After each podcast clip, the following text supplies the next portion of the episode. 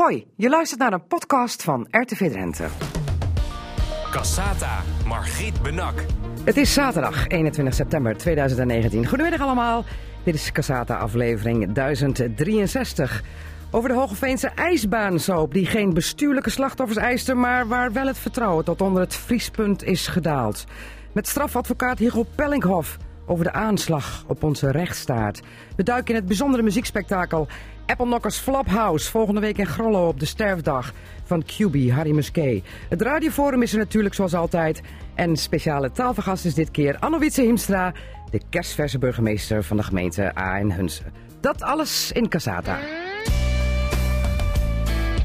Cassata, Margriet Benak. Radio Drenthe. Ja, de kruiddampen in Hogeveen zijn weer wat opgetrokken. Het college van BNW zit er nog, maar wel als aangeschoten wild. En dus is er een heidesessie nodig en misschien nog wel een paar heidesessies... om de verstoorde verhoudingen weer te herstellen in Hogeveen na de ijsbaansoop. Want door een motie van wantrouwen van de voltallige oppositie... staan de verhoudingen daar in Hogeveen toch wel op scherp... En is het imago van het Hogeveense stadsbestuur ook flink bezoedeld? Gaat dit nog goed komen allemaal? Nou, daarover praat ik straks uitgebreid met politiek betrokkenen en met een deskundig professor zoals Herman Breuring, hoogleraar bestuursrecht aan de Rijksuniversiteit in Groningen. Herman Breuring, eh, dat ze er allemaal nog zitten, verrast u dat?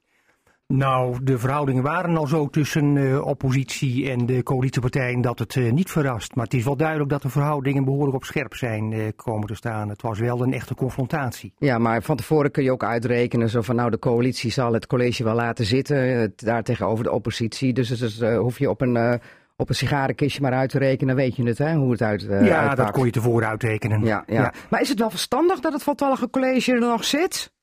Nou, dat is wel een beetje de vraag. Kijk, ehm, je moet samen wel verder. En je kunt. ehm, kijk, wat vooral niet moet gebeuren, is dat het gaat dooretteren ook in andere dossiers. Want dat zou heel zonde zijn. Dus misschien dat je inderdaad met z'n allen eh, op moet. Dat ik dan nog wel een andere suggestie heb.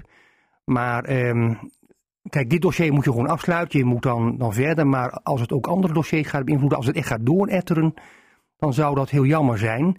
Het is aan de andere kant wel zo, als je eh, hiermee was doorgegaan met dit dossier, dan zou je ook eh, in de toekomst toch heel lelijke vergaderingen krijgen.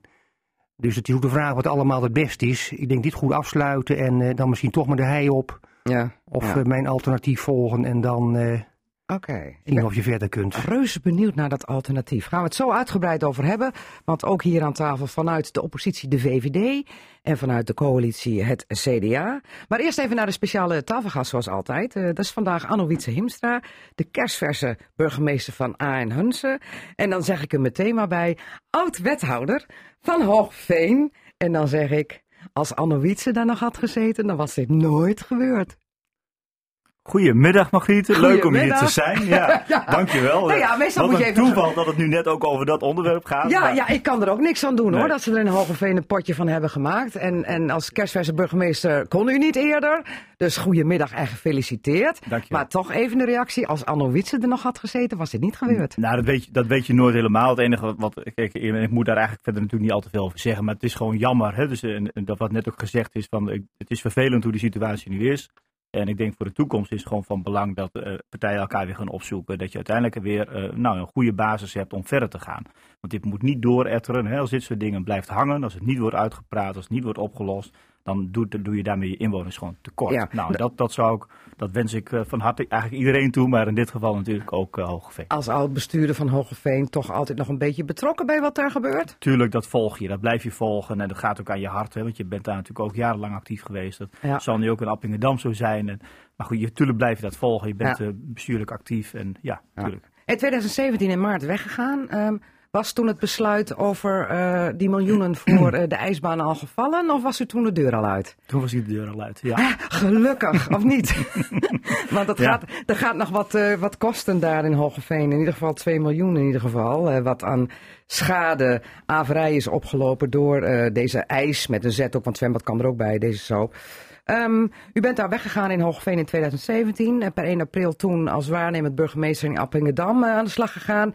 En toen kwam A.N. Hunsen voorbij. Ja. En toen dacht u, De, eh, moet ik gewoon proberen. ja, Ja, dus eh, uiteindelijk het is geen gegeven. proberen. Ja, natuurlijk. Ja, je weet niet, hè, er waren uiteindelijk 44 gegadigden. En ja, je moet, het moet een klik zijn, je moet eh, passen in het profiel, je moet passen bij de mensen.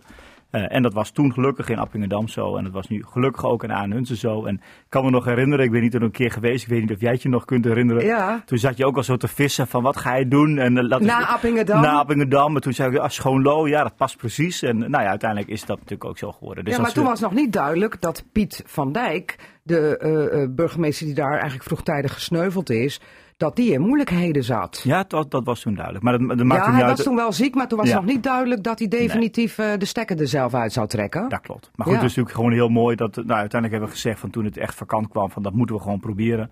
Ik heb een hele mooie tijd gehad in Appingedam. eh, maar uiteindelijk, ja, hier wonen, ik woon hier ook in Aanhuns in, in, Ja, in dat, woon- woonde u al voordat u Ja. ehm, in Aanhunsen solliciteerde. Klopt. Dat, Dus dat, dat was is, eh, appeltje eitje natuurlijk. Nou ja, dat is in elk geval een heel mooi toeval op dit, op dit punt. En Ja. eh, nou, het is gewoon een prachtige gemeente. Dus als die kans voorbij komt, moet je gewoon proberen om dat te doen. En het is ook gelukt, dus daar ben ik heel blij mee. Maar met Piet van Dijk ging het toch mis, al na negen maanden. Het was een lelijke bevalling, kun je eigenlijk wel zeggen. En nog wel gedacht, wat is daar in godsnaam aan de hand? Moet ik dit wel willen? Nou, wel gevraagd van spelen, er echt dingen. Je hebt natuurlijk een gesprek met de commissaris, je hebt een gesprek met de vertrouwenscommissie. Eh, nou, je kent mensen eromheen. Van, zi- zijn er echt dingen die ik moet weten? Eh, nou, eh, en als die er niet zijn, dan is het ook goed. Hè? Want uiteindelijk moet je ook... Ja, want wat zeggen ze dan? Het, het, het ligt niet aan de gemeente, maar het ligt aan Piet? Nou, dat, kijk, daar doe ik ook geen uitspraak over. Uiteindelijk, eh, voor mij is, eh, is het handig om te weten van, is er echt iets wat ik moet weten om, eh, eh, is relevant om daar te gaan werken, om te gaan solliciteren? Nou, dat was er niet. Dus dan denk ik, wat er ook gebeurd is, is voor mijn tijd geweest, daar heb ik niks mee te maken.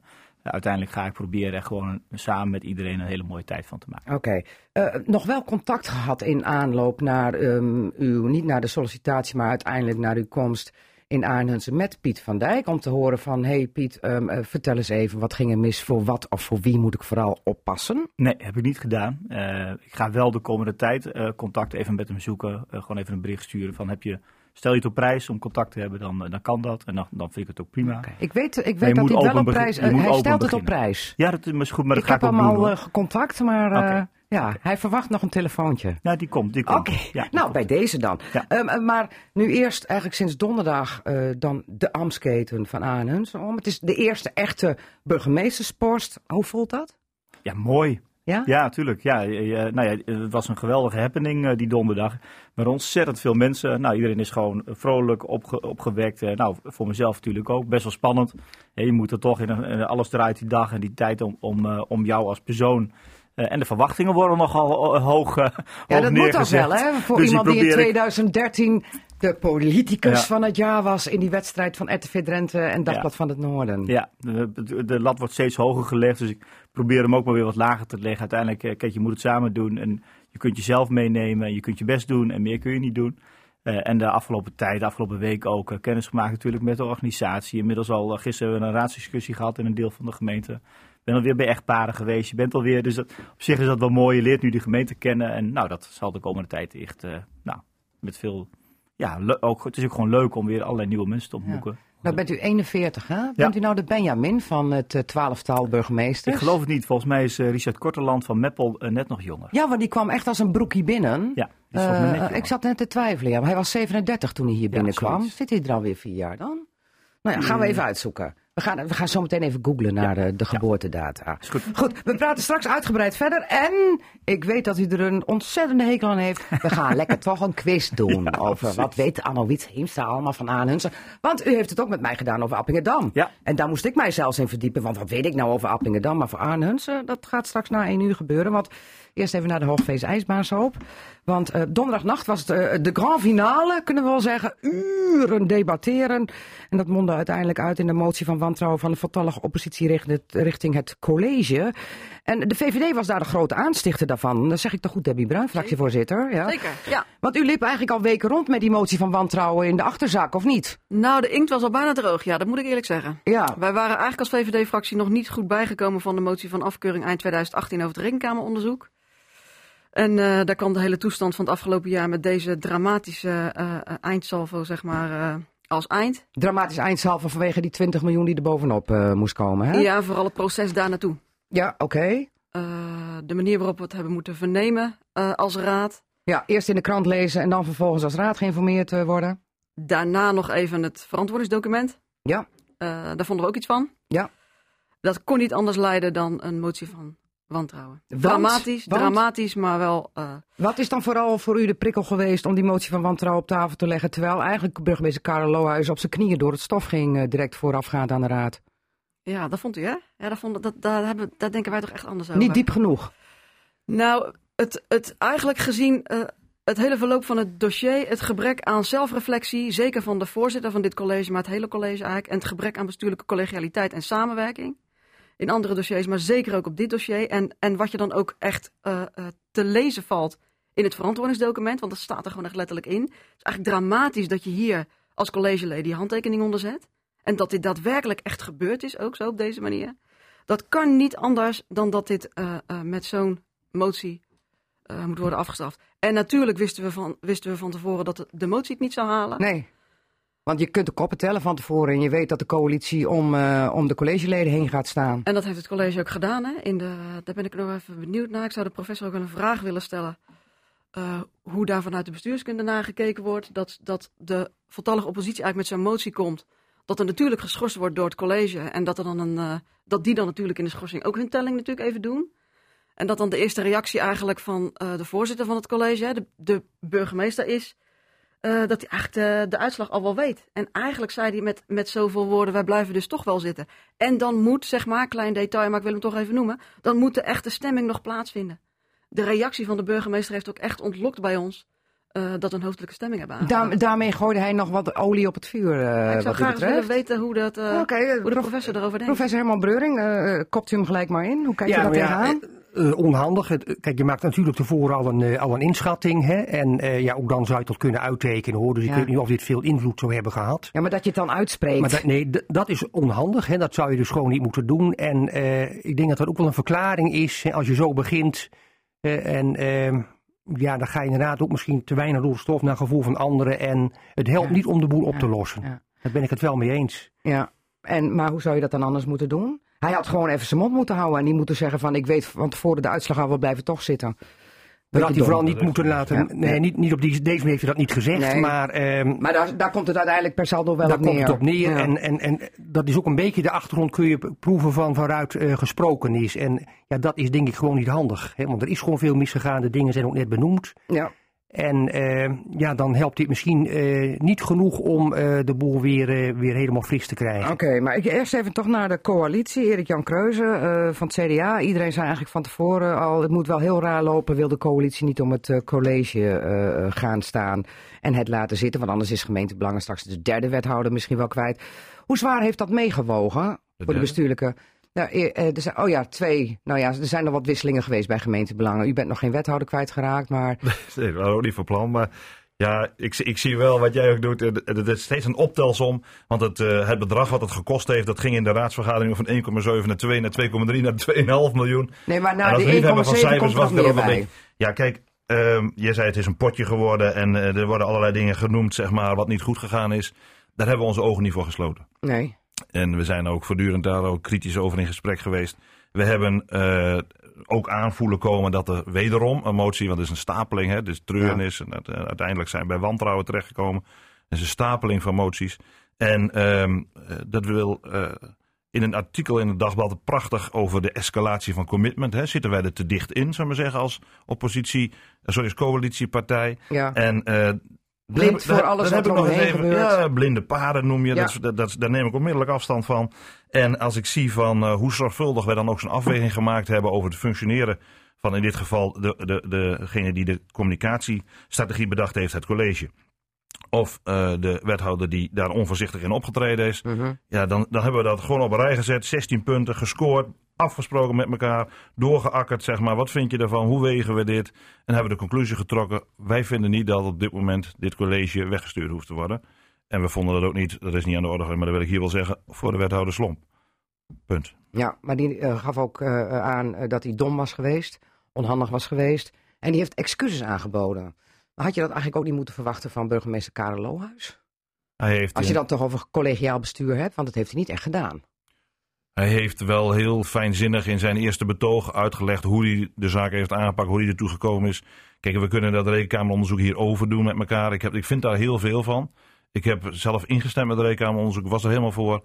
Eh, maar ik vond ook van de uitkomsten wel het nodige, zeg maar. En ik kan me ook voorstellen hoe hij inging op de emoties die hem eh, bekropen, zeg maar, in de, toen de verwijten op allerlei manieren tot hem kwamen. Ja, dan zegt hij ook eerlijk, ik ben een mens. En dat heeft me wat gedaan. Slomp heeft hetzelfde gezegd, heeft zijn emoties laten zien.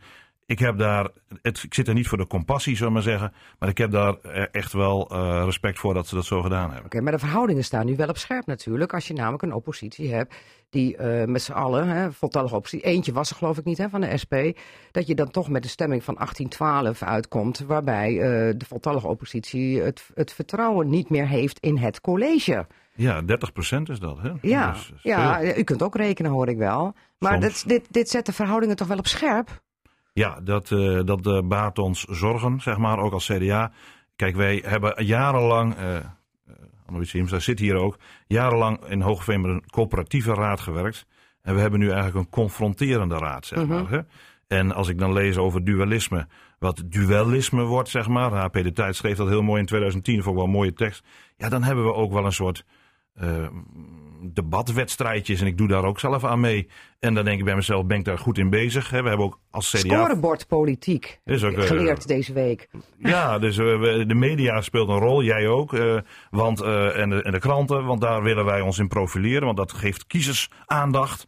En dan denk ik van, is dat goed voor de Hoogeveense inwoners? Nee, maar ik, ik heb al geconstateerd dat dit eigenlijk toch wel het imago van Hogeveen, denk ik, bezoedeld heeft, deze hele affaire. Of niet, Debbie Bruin? Maar dat staat ook duidelijk in die motie van jullie. En dat is een groot drama. Ja, En het verschil op inhoud eh, tussen, in dit geval om, om maar even de motie te nemen, tussen de reacties van de coalitie en de inhoud van de motie, is ook echt te groot.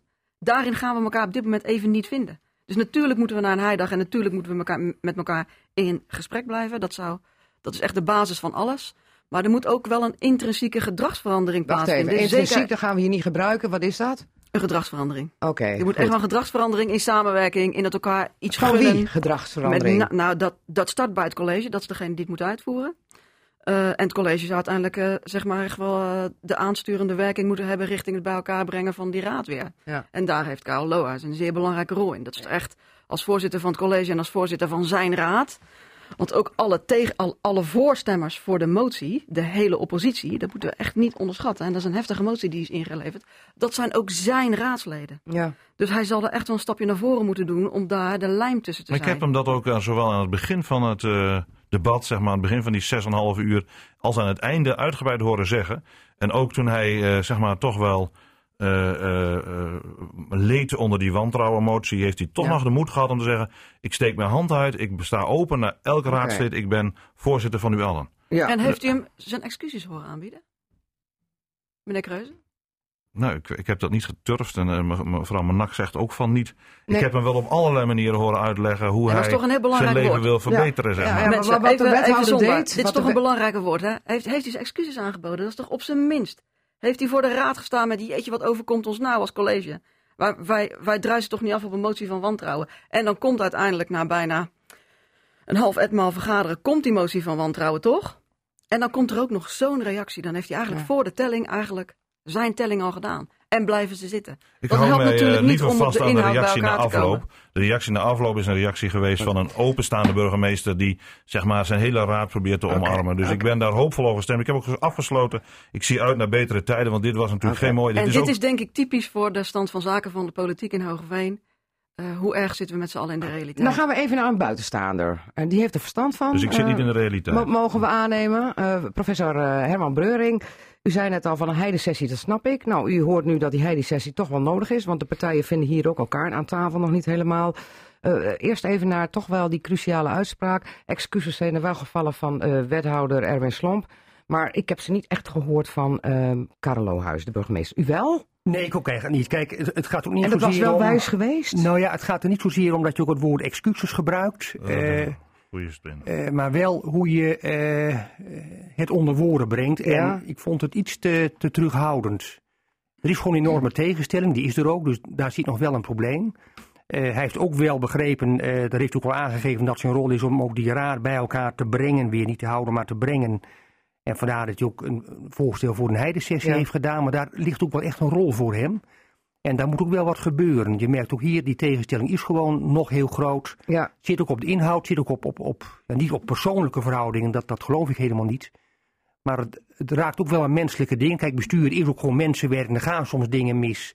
Maar als er dingen misgaan, dan moet je dat ook wel op een juiste manier eh, uitspreken. En dan moet je ze ook echt gewoon benoemen. En dan moet je het ook benoemen. En eh, daar, daar kun je ook in, in dit dossier volgens mij heel concreet in zijn. En nou ja, dat moet denk ik nog wel gebeuren. En benoem even de leerpunten. Meer die, dan in het eh, verantwoordingsverslag? be- benoem, benoem even de leerpunten, professor Breuring, die wat u betreft nu aan de orde moeten zijn. Vooral voor Karel Lohuis en zijn college. Ja, er zijn een paar punten. Ik denk dat het zal benoemd zijn. Het is natuurlijk al van meet af aan heel snel gegaan. Hè. Die, die raadsvergadering, eh, stoom en kokend water.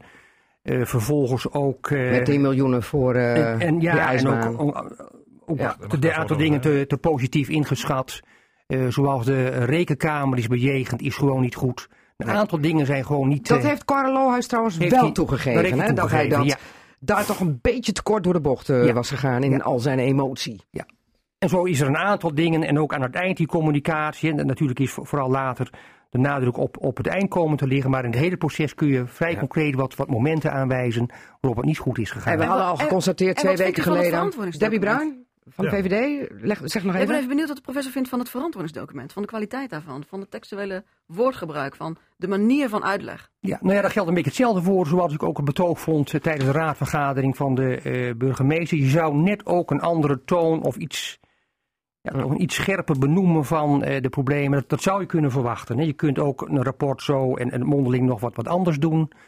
Eh, maar ik snap wel dat mensen daar moeite mee hebben. Hè. Ik snap ook wel dat mensen er weer anders tegenaan kijken. Maar, maar stu- stuit u het dan vooral tegen de borst dat eh, bijvoorbeeld eh, het college, zeg maar Erwin Slomp, het vooral in, in, eh, in zijn schoenen schuift? Nou ja, wat leest- betreft het verkeerd informeren en het vroegtijdig uitlekken en eh, de raad niet betrekken? Ja, ik lees er een aantal dingen in. Ik lees een tweedeling in het college, want er is, eigenlijk zeggen ze er is wel een tweedeling. Hij, hij stond er alleen voor, maar hij heeft het dan toch in zijn eentje toch wel goed gedaan. Maar ze nemen er wel tot in detail, die ik eigenlijk niet zou willen weten. Ik wil dan gewoon iets lezen over een collegiaal bestuur, wat daar de schouders onder heeft gezet en wat, het, eh, en wat het met elkaar geregeld heeft. Daarnaast lees ik allerlei eh, eh, feitelijkheden die daarna met de mantel der liefde worden eh, Benoem ze even, heel kort. Ehm, ze roepen op een aantal punten, roept het college, dat ze het goed gedaan hebben. En, dat, dat, en dat, de communicatie had iets anders gekund. De rekenkamer ook. Ze, ja, richting de rekenkamer ook. Ze hadden het, eh, Nee. eh, ze hadden het nog anders kunnen doen eh, met betrekking tot elkaar informeren in dat, hoe, hoe het allemaal is verlopen. Op een gegeven moment kom je uit de details, kom je er als lezer bijna niet meer uit. Wie nou in welk land zat en wanneer ze nou wanneer geappt hadden. En Ach. Op een gegeven moment wordt de wethouder van het CDA nog, eh, nog geappt, hebben we gehoord. Ja, dat- dat, dat- is, dat- is allemaal... Maar die, vraagt, maar die vraagt dan niet naar hoe zit het met de opening van de kluis. Ja, we keurig Ja, overleggen. maar ik wil graag even weer naar, Dat ik wil even naar de toekomst, Debbie mensen. Bruin. Want u geeft Graag, dan aan, ja, u geeft dan aan hè, wat er in het verantwoordingsdocument allemaal, eh, wat u betreft, niet oké is. Eh, dat dat ook aanleiding voor u is geweest om die motie van wantrouwen in te dienen. Zeker. Maar ik wil toch even naar professor Breuring, want die zei van een heidesessie kan ik me indenken, maar ik heb een alternatief. Het kan anders. Wat is dat alternatief? Nou, alternatief viel me net in gezien wat er hierna nog in het programma zit. Kijk, een heidesessie, ehm in het algemeen zeg ik daarvan, het, het kan doorgaans geen kwaad. En dat zeg ik dan een beetje zo op, op- als een. Hè? hè? Ehm, mijn eigen ervaring daarmee, zo'n dag zelf is heel goed. Maar het is altijd de vraag wat je daarvan meeneemt, ook in de toekomst, als Ja. dingen heel diep zitten. Dus ik weet nog dat dat voldoende is. Eh, maar je kunt daar wel een, eh, nou ja, ook misschien een proces eh, uitspreken, ook voor de toekomst, hoe je dingen doet. Eh, zodat dingen niet blijven hangen. Dus op zichzelf is dat prima. Onder de leiding van een externe eh, deskundige? Ja, die een je- professor bijvoorbeeld of Nou, zo? Mediator? Ja, ik, ik weet niet wat voor type daar geschikt voor Die is. de maar- raad misschien Maar even naar uw eh, alternatief. Ja, nee, ach, ik dacht, kijk, we gaan naar het. Het is nou nog een prachtig weekend, maar we gaan richting het najaar. En als je nou zoiets organiseert in, in november, een beetje, een, een beetje zoals ze zeggen. En, want ik had ook een beetje het idee dat de, de raad zo, die vergadering aanhoorde in een soort Apple Knockers flophouse oh. uh, leeft. En ja, toen dacht ik ook. Uh, beetje een af, aftans hotelletje is dat. Ja, ja. ja en... Ehm, is, een toch? Nou, dat is in Grollo anders. Ehm, one Misty Morning en, en, dan je hoofd dus leeg proberen te maken. En dan eh, Another Way, toe. Another Road. ja. En het, een beetje die kant uitdenken, nieuwe weg uitzetten. Maar het zal wel wat tijd kosten. Je bent er niet met een, met een hij 60. Eh, uh, inderdaad, moet misschien iets leuks omheen organiseren. Ik heb een ander idee. Een ja, situatie. Ja, bij dit circuit heb je een, eh, nieuw schietterrein. Dan kun je airsoft eh, met, met elkaar op, met airsoftballen schieten. Maar op wie? Mag ik nog nou, nou serieus zeggen? ja, even serieus. Ik, ja, ik, want ik werd verweten dat ik inderdaad zal niet zo serieus was. Dus ehm, kijk, collega Bruin, uh, Debbie zegt ook over de toon van het stuk. En de toon is wat mij überhaupt opvalt, zeg maar. Ook de toon van de oppositie. En ook de toon van, van de collega nu, zeg maar. Dat is toch wel een fanatieke toon. En daar ga je dan op reageren. Ja. Ik moest zelf ook even slikken, want ik wil dan graag verdedigen. Ja. Ik vind iets van het rekenkameronderzoek, 40 aanbevelingen, 13 positief over het eh, maar ik wil niet meer terug naar het rekenkameronderzoek. Dat is van vorig Ik wil jaar. graag vooruit. Juist. Want, En dat eh, betekent, Erik-Jan Kreuzen, hoe gaat u vooruit? nou, kijk, ik ga graag naar heisessies. Het is prachtig Drenthe, hè? dus een oerprovincie bij uitstek. Maar eh, wij moeten vooral aan het werk met elkaar. Wij Ja. als CDA vinden dat ook. En wij willen daar ook gewoon we willen er praatjes over maken, maar ook daden in laten zien. En we willen ook eh, oppositie en coalitie daarin inhoudelijk met elkaar verbinden. Want dat zou nog wel eens goed voor de Hogeveeners kunnen zijn. We hebben gedacht, een ijsbaan is goed voor Hogeveen en voor vele omstreken. Want we hebben het totaal niet over de rol van de provincie nog gehad. In Friesland stoppen ze 50% van het vermogen, er- van de benodigde vermogen erin. We hebben het totaal niet gehad over de aanbesteding en wat de aannemer daar zelf van gemaakt heeft. Want daar kun je ook echt wat van vinden. Maar laten we vooral vooruitkijken. Ja. Hogeveen zou gebaat zijn bij constructieve politiek. Waarin we elkaar kunnen vinden op onderwerp en inhoud. En dan kan ik op de hei hele mooie, met professoren en andere lieden, eh, bijeenkomsten organiseren. Maar ik wil graag concrete dingen. En daar kunnen we elkaar best in vinden als het om inhoud gaat. even voor de duidelijkheid, we kunnen het eh, ijsproject wel vergeten in Hogeveen. Want volgens mij eh, gaat het Nou, anders de weer mis. college heeft gezegd van het is aan de markt. En ik zou daar wel aan toe willen voegen. Het is ook wel een beetje aan de provincie. Nou ja, we hebben En we twee weken hebben- geleden hier aan tafel uitgebreid keurig, ja, besproken. ja. Professor Breuring zei van, Nou, ik, vind het gek, ik vind het gek dat die provincie zegt, jongens hier heb je miljoen 5 helemaal miljoen. Eh, wie wil, wie gaat, toch professor Breuring? We hebben hartstikke mooie betogen gehoord van de KNSB en van de schaatsverenigingen. En Drenthe staat stil, zeg maar. Dus de provincie mag ook wat doen. Oké, professor Breuring? Nou, daar ben ik het mee eens. Wat ik de vorige keer ook zei. Het is Ja. een bovenregionale voorziening. Dus de provincie heeft daarin een rol. Het zou goed zijn dat de provincie niet eh, dit allemaal volledig afserveert. Maar eh, actief meedenkt in nieuwe mogelijkheden. Eh, wel daarvoor eh, de rust nemen. Niet zozeer de tijd, maar ook de rust nemen. En dan hopen dat er toch weer iets in Drenthe van de grond komt. Dat zal in Hogeveen nu wel heel lastig worden. Dat Er weet niet. Ik bedoel, dat, dat, Er zit een pijn. Dat, kan- nou, dat kan over een paar jaar anders zijn. Als ik in de Hogeveense politiek zat, zou ik niet eens meer willen. Maar goed, eh, gezien alle schade die jullie al hebben opgelopen, is het niet aan geld, dan is het wel aan eh, ik denk wel Hogeveen. verhouding. Een iets kritische blik van de coalitie. En eh, Dat volgens mij heeft de oppositie net het vertrouwen opgezegd in dit college. Dus volgens mij moeten we daar nog eens goed over nadenken. Oké. Eh, even naar eh, de leader of the pack. Dat is toch burgemeester Karel Lohuis. Ehm, is die hierdoor de hele affaire toch beschadigd omdat hij aan gezag heeft ingeboet? Debbie Bruin van dat de VVD? lijkt mij wel. Daar had hij zelf ook iets meer over kunnen vertellen donderdagavond, denk ik. Heeft hij niet gedaan. Heeft hij aan het eh, eind ook niet gedaan. En wij vragen ons vanuit de VVD-fractie ook wel af of dit het leiderschap is wat binnen het college ook, met twee nieuwbakken wethouders, op de zwaarste dossiers die er zijn, of dat de komende twee jaar al wel goed gaat. Hm, Dat zegt Erik-Jan Kreuzen dan van het CDA? Eh, kijk, eh, het, het grappige is dat Karel Lohuis, ik weet niet of de professor dat heeft gezegd, maar ik heb een burgemeester behoorlijk op de knieën zien gaan, zeg maar, verbaal. En misschien heeft u het wel of niet het woord gebruikt, maar hij heeft behoorlijk veel zelfreflectie laten zien, vinden wij tenminste. En ik wil ook wel even, eh, ik, ik heb het ook afgewogen in het totale plaatje. Daarom heb ik niet voor die motie van wantrouwen gestemd. Want eh, collega Bruin weet ook wat de burgemeester allemaal wel voor prestaties heeft gedaan. En dan kunnen we ook mooie dossiers laten zien waar hij wel voor Hoogveen wat betekend heeft en betekenen zal. En zo komen we weer terug op dat we echt ver uit elkaar staan, mensen. Echt ver uit elkaar. Als we daarin op de inhoud elkaar niet wat meer gaan vinden en wat realistischer erin gaan staan, dan gaat het nog wel lang duren. Het laatste, woord, nog wat het laatste woord is aan professor Breuring. zijn- Eh, ja, ho, ho, ho, Als u kijkt, als u kijkt naar eh Karel Lohuis en zijn rol als burgemeester, heeft hij gefaald? Nou ja, duidelijk is het is geen pluim op de hoed. Hè. Ehm, die zelfreflectie, eh, ook is duidelijk dat daar heel verschillend tegen aangekeken wordt.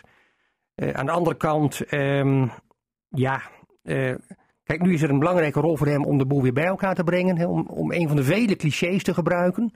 Want het aantal clichés, die raadsvergadering, dat was zeer bijzonder. Dus, en, dan, nou, en dus, kijk, eh, je moet hem ook, tijd gunnen en, en kijken hoe hij nou verder hiermee omgaat en hoe hij die functie van hem oppakt om die raad. Want inderdaad, daar heeft hij een bijzondere verantwoordelijkheid in als burgemeester. Mhm. En het is ook wel zo, over een jaar kijk je misschien wel anders tegenaan of twee jaar. En eh, ook niet meteen mensen observeren. Oké, maar hij heeft wel een Maar flinke hij, heeft hij een zeker deuk opgelopen. Een deuk opgelopen, Oké. zo is het. Hij Eh, en, hij dan kan ik wel wacht even, hij. en dan kan ik wel zeggen van, eh, eh, nou praten we over een burgemeester die hier niet is, maar dat is zijn eigen schuld, want ik heb hem ettelijke malen uitgenodigd. Maar hij moet, eh, geloof ik, met vrienden weg, of saxofoon spelen, of, hij dat? dat mag allemaal. Dat is toch jammer. Maar, want As is dat zo vond- dichtbij. Dat is inderdaad jammer. Dus hij kan zich hier in Cassata niet verdedigen, maar hij heeft ook de kans laten liggen, zeg ik hier Hij dan komt even vast bij. een keer. Hij komt vast een keer, maar dan moet ik wel wachten tot geloof ik in oktober ga ik of november. We gaan kijken. Eh, Professor Breuring, Erik-Jan Kreuzen van het CDA, Debbie Bruin van de VVD. Dank jullie wel en eh, ik zou zo zeggen, veel plezier op de Drentse hei. Ja, de koelbloedige liquidatie van een strafadvocaat woensdag in Amsterdam is een aanslag op onze rechtsstaat. Wat de impact is van dit alles, daarover praat ik straks met strafadvocaat Hugo Pellinghoff. De langzittende strafadvocaat van Drenthe, mag ik toch zeggen, of niet? Dat denk ik wel. Ja, 36 jaar geloof ik in het vak Ja, hier. 36 jaar. Eén, één van de langzittenden. Er zijn er nog enkele. Eén van de langzittenden. Oh, wie zijn er nog meer dan? Eh, Yvonne van Marwijk doet veel strafzaken. Mijnder Doorbos. Mijne Doornbos in Assen. beide, Ja. beide zijn eerder be- beëdigd dan ik. Oké. Moet u nu als strafadvocaat, gezien die liquidatie eh, in Amsterdam, ook over uw schouder kijken? Dat doe je altijd als advocaat. Je, je bent gewoon eh, kritisch op wie, met wie je omgaat. Dat weet je nooit vooruit. En daar Mhm. loop je altijd risico's, eh, risico's in. Maar ik ben niet bang voor, voor liquidaties. Dat type praktijk heb ik ook niet. Nee, nee. En bovendien, Assen is geen Amsterdam.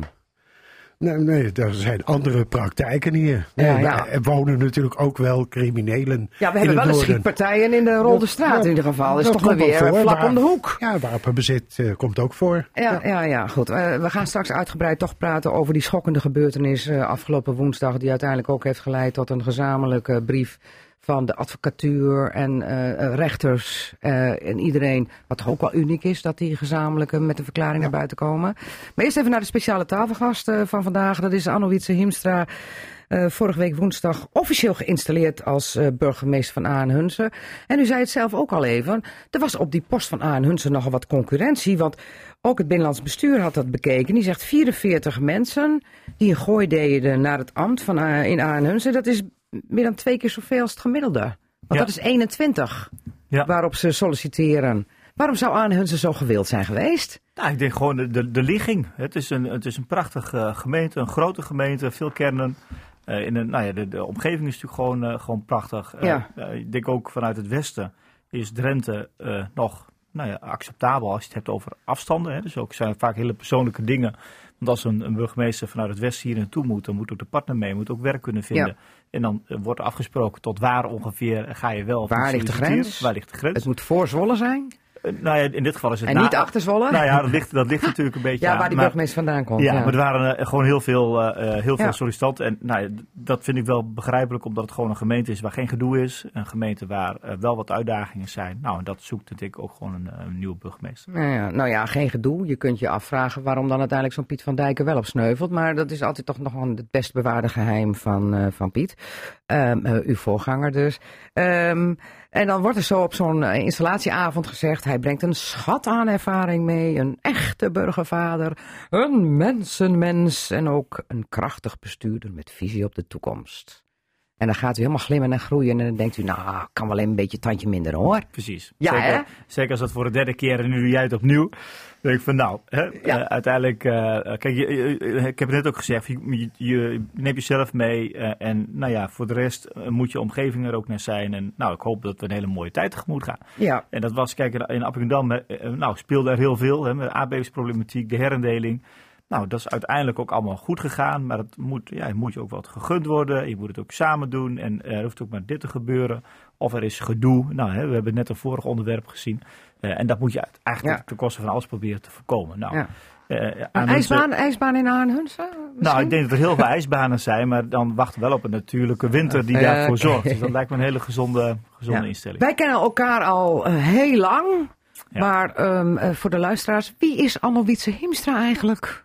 Ja, eh, 41 jaar, Ja, woonachtig in Schoonlo. ja, Ehm, eh, ja, ik ben een tijd lang, eh, twee perioden ongeveer, eh, wethouder geweest in Hoogveen. Ja. Eigenlijk op mijn twintigste politiek actief geworden. Eh, geboren in Emmen zag ik. geboren in Bolsward, Op Boshart, maar getogen in Emmen, hè? getogen in Hoogveen.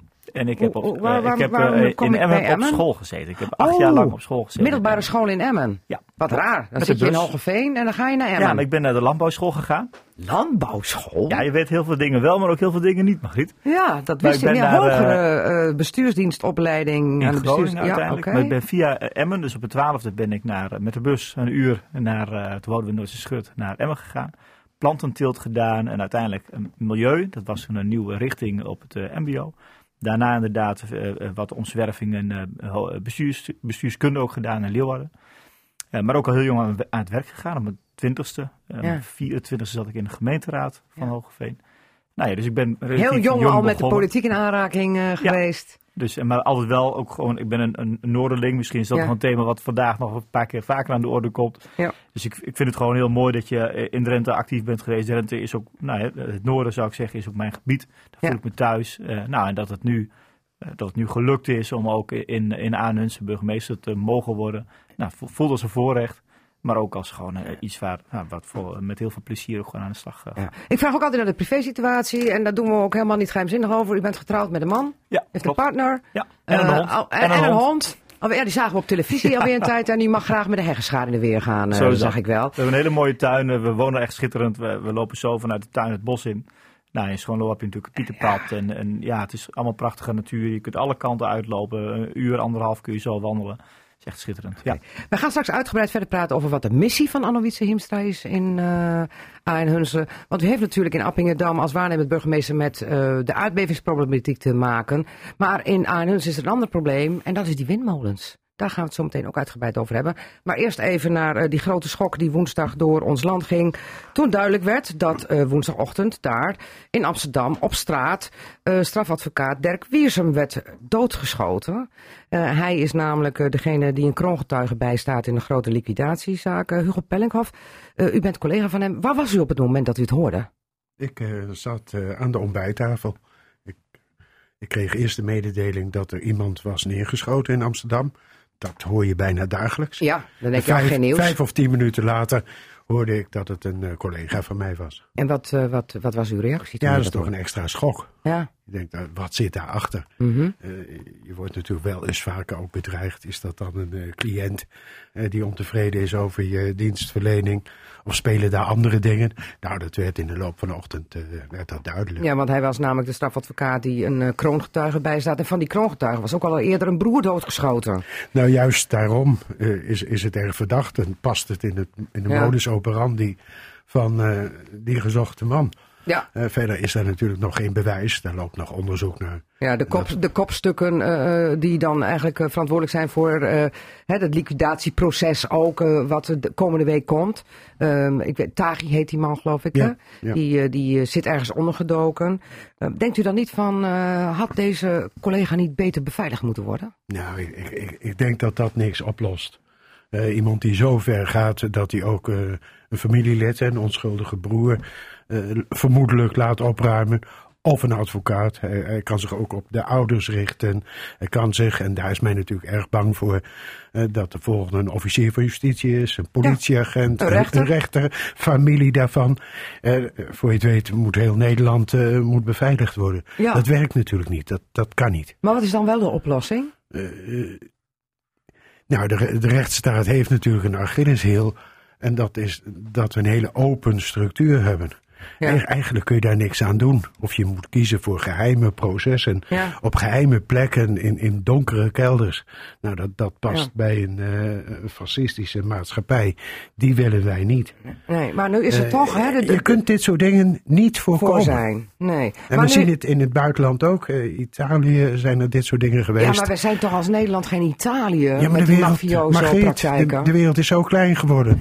Er is geen enkel verschil meer tussen. Latijns-Amerika en Italië en Maar Nederland. wordt u daar zelf als, als strafrechtadvocaat dan niet bang van? Nee, ba- bang ben je niet. Dan eh, zou je een ander vak moeten nemen. Oké. Maar je taxeert wel risico's. Maar ja, dan heb je nu een opvolger al voor eh, hè, de geliquideerde collega. Die alweer voor de camera staat. Die heeft een gezin. Ja. En die springt in dat gat. En die zegt, ja, het moet gewoon wel doorgaan. Want anders Ja. hebben ze ook nog hun zin. Zo werkt het natuurlijk niet helemaal. Maar hij heeft zich opgeworpen. Ja. Hij zegt, ik ben beschikbaar. En ik heb al van tientallen anderen gehoord dat ze ook beschikbaar zijn. En dat er acties gaan komen. Eh, of deze man dat dan ook daadwerkelijk wordt, weet ik niet. De vraag is natuurlijk, en dat is ook vrij geheim, wie de opdrachtgever is van zo'n getuige. Vermoedelijk is dat de staat der Nederlanden die op betalende basis die advocaat betaalt. Het zal niet voor enkele tientjes op basis van toevoeging gaan. nee, nee. Het zorgt natuurlijk ook voor angst. Hè? Het zorgt, zorgt voor angst bij mensen. Het zorgt Ja. voor angst ook bij, Ja. bij, bij advocaten.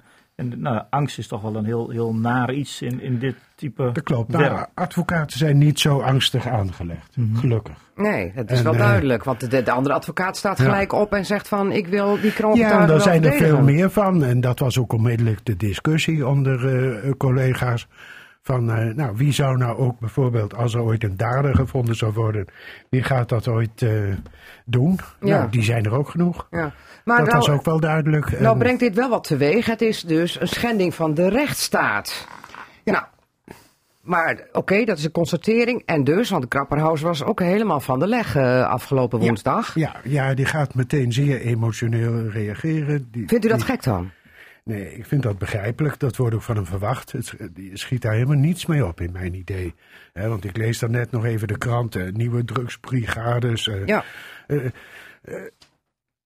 Je moet je goed realiseren, alle extra politie-inspanning die er is om dit soort bendes op te rollen, of Mhm. om eh harddrugs of softdrugs uit de markt te nemen.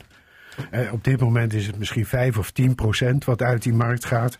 Ja. Dat wordt dan misschien 20.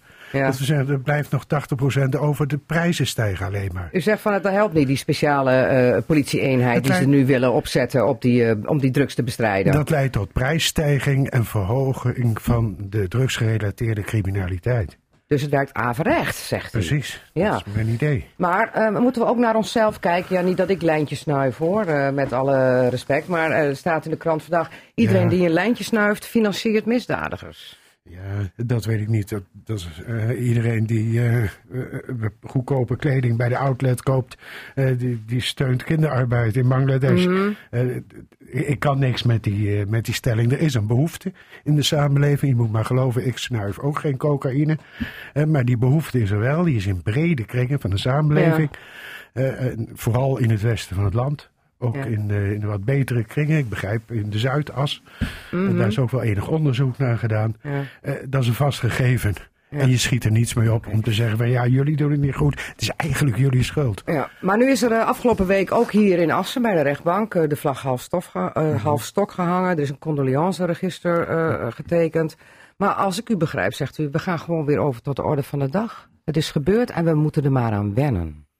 Ja, eigenlijk klopt dat. Ik denk dat de, de, de rechtsstaat eh, stevig is, eh, sterk is, ook tegen een stootje kan. Nou, dit is een stootje tegen de rechtsstaat. En de mensen die die rechtsstaat dragen, die moeten gewoon doorgaan. Natuurlijk alert zijn. Natuurlijk moet iedereen zijn taak goed doen. Moet de politie zijn werk goed doen. Moeten de daders opgespoord worden en vervolgd Ja. worden.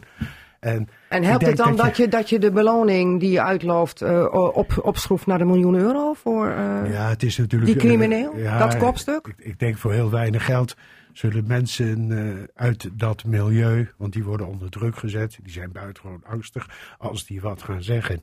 daar is een zwijgplicht. Eh, daar Maar een miljoen helpt eraan? Daar staat de doodstraf op. Het is te proberen. In ieder geval eh, meer kans dan voor 10.000 euro. Oké.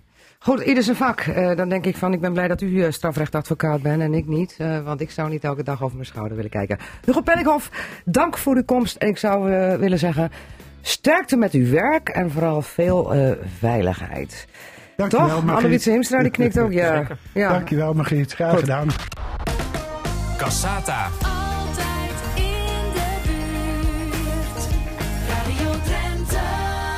Met zometeen het radioforum over het uitgelekte advies voor aanpak van de stikstofcrisis, over Prinsjesdag, over klagende gemeenten en over verstoorde verhoudingen in Hogeveen. En we duiken in het muziekspektakel Apple Knockers Flophouse, 50 jaar na het uitkomen van deze beroemde en beruchte LP van QB and the Blizzards. En jawel, we doen de quiz met de speciale tafelgast van vandaag, de nieuwe burgemeester van Aarnhunsen. Want wat weet Anno Wietse Hiemstra allemaal van zijn nieuwe gemeente? Margriet Benak. Radio Drenthe. Ja, Anne-Wietse Hiemstra, ik begreep dat u bij de installatie in eh, de gemeente Aarnhuns eh, had geroepen... ik wil geen quiz. Ja, nog even niet. Nog, Nog even niet. Gun me de tijd om het even te leren kennen. Nou, ja. daar ben ik hartstikke blij met, want nou heb ik de primeur met de quiz met Anne Wietse Hiemstra over de gemeente Aarnhunsen. En eh, we beginnen even makkelijk, want ja, u heeft al zo lang rondgelopen in Drenthe, dus deze moet u weten. Ik leg de lat meteen hoog. Ehm, eh, moet ik even nadenken? Aarnhunsen, als nieuwe gemeente, is per wanneer ontstaan? In 98. 1 januari, 1 18. januari 98. Vanwege de herdeling. Ja. Uit welke voormalige gemeente bestaat Aarnhunsen? Anlo, Gasselte, Gieten en Gasselte Nijveen. Toch? Nee! Rolde. Rolde, oh natuurlijk, Rolde. Ja, Oei, ja, ja. Gassenijveen Was- stond wel ja, het gemeentehuis ja, ja, van ja, ja, Gasselte. ja. Oeh, nou ja, drie van de vier gemeenten goed.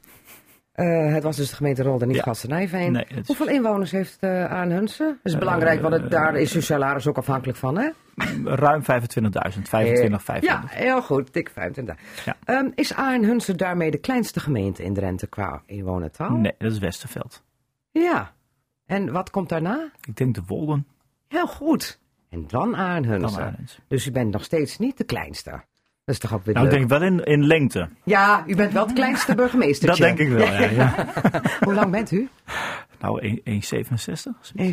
1,67. Dus ik ben nog langer dan u. En ik heb ook nog hakken aan. We gaan straks even meten. Goed, eh, de grootste gemeente van Drenthe is? Emmen, Ja, hoeveel? 115. Ja, 100 100.000 plus gemeente, hè, gewoon. ja. Goed, eh, een nationaal park wat ligt in Aanhunsen. Drentse A.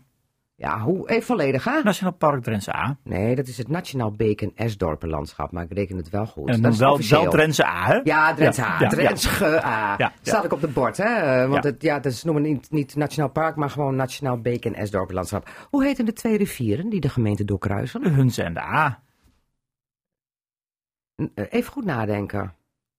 Ja, de, de Huns en de A, maar de, de A heet... De Drentse A. Ja, juist. Ja, Ja, Drentse A Hunten.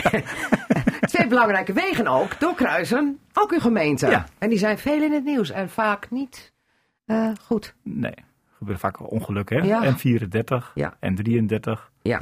Ja. Ja, dat zijn is goed, helemaal goed. Ja. Molens, die hebben we ook in Aanhunzen. Die had je in Hogeveen ook, geloof ik, hè? de molen. Eén. Eentje, Eén molen. ja. Maar u bent rijk bedeeld met molens. Rolde heeft er eentje en die heet simpel de molen van Rolde. Gassenijveen heet, heeft er eentje, die heet... De molen van Nijveen. Nee, de juffer. Nee, nee. Dat, is, dat is nog niet de vraag. Nou, Bij Gieterveen staat de Eendracht.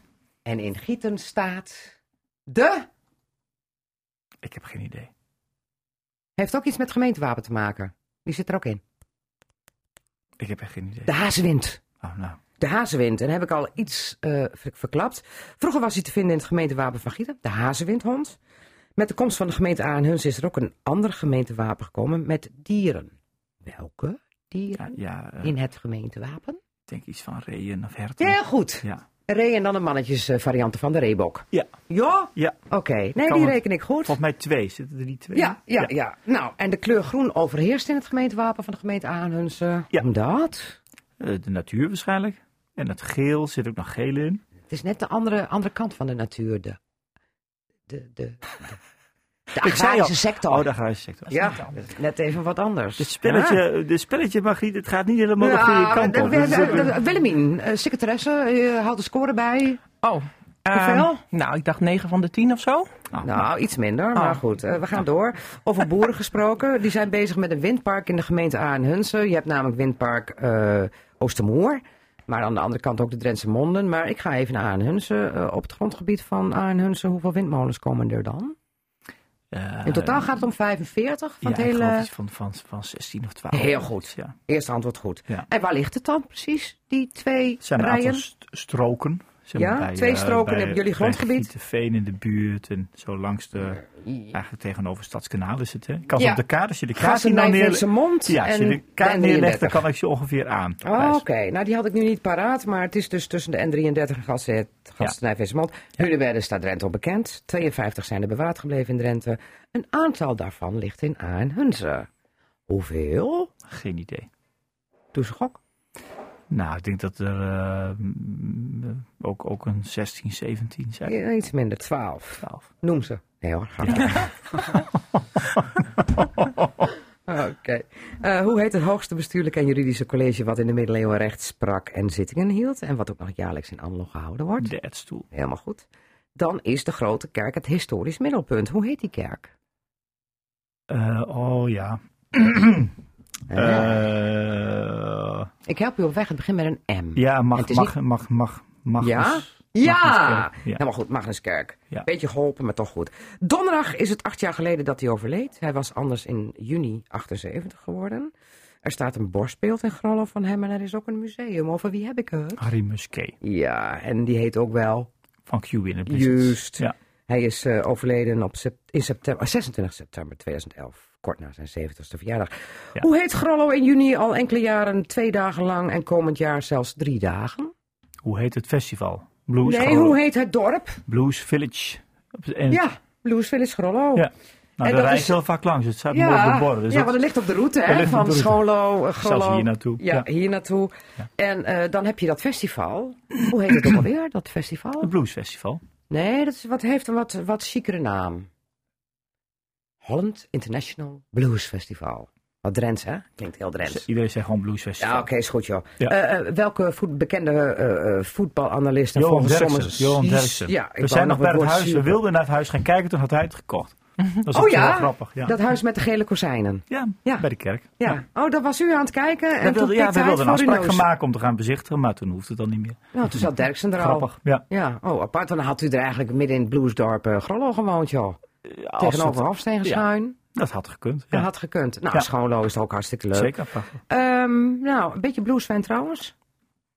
Hm, hm, hm, beetje, ja. Een beetje. Want je moet donderdagavond dan eigenlijk zeker in Grollo gaan kijken bij het eh, muziekspektakel Apple Knockers Flaphouse. Ja, alleen donderdag hebben we raad.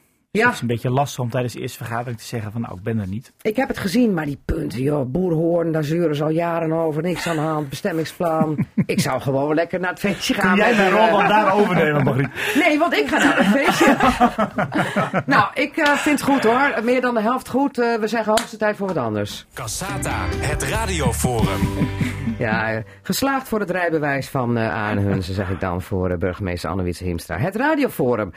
Ja, we gaan het eh, hebben over bijzondere dingen uit het nieuws van deze week. En dat doen we met Annewietse Hiemstra en dan mag ik je zeggen. Zeker. Ja, en dan zijn er ook nog onze andere forumleden. En vandaag zijn dat... Willemien Meewissen, ik kom uit Assen en ik ben fractievoorzitter voor de VVD in de Provinciale Staten.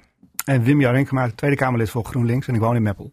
Ja, en ik heb met jou een appeltje te schillen. Dat klopt. Wim Renkema, jij woont in Meppel. Nog wel. Nog want wel. Ik ga verhuizen. Over de Drentse grens.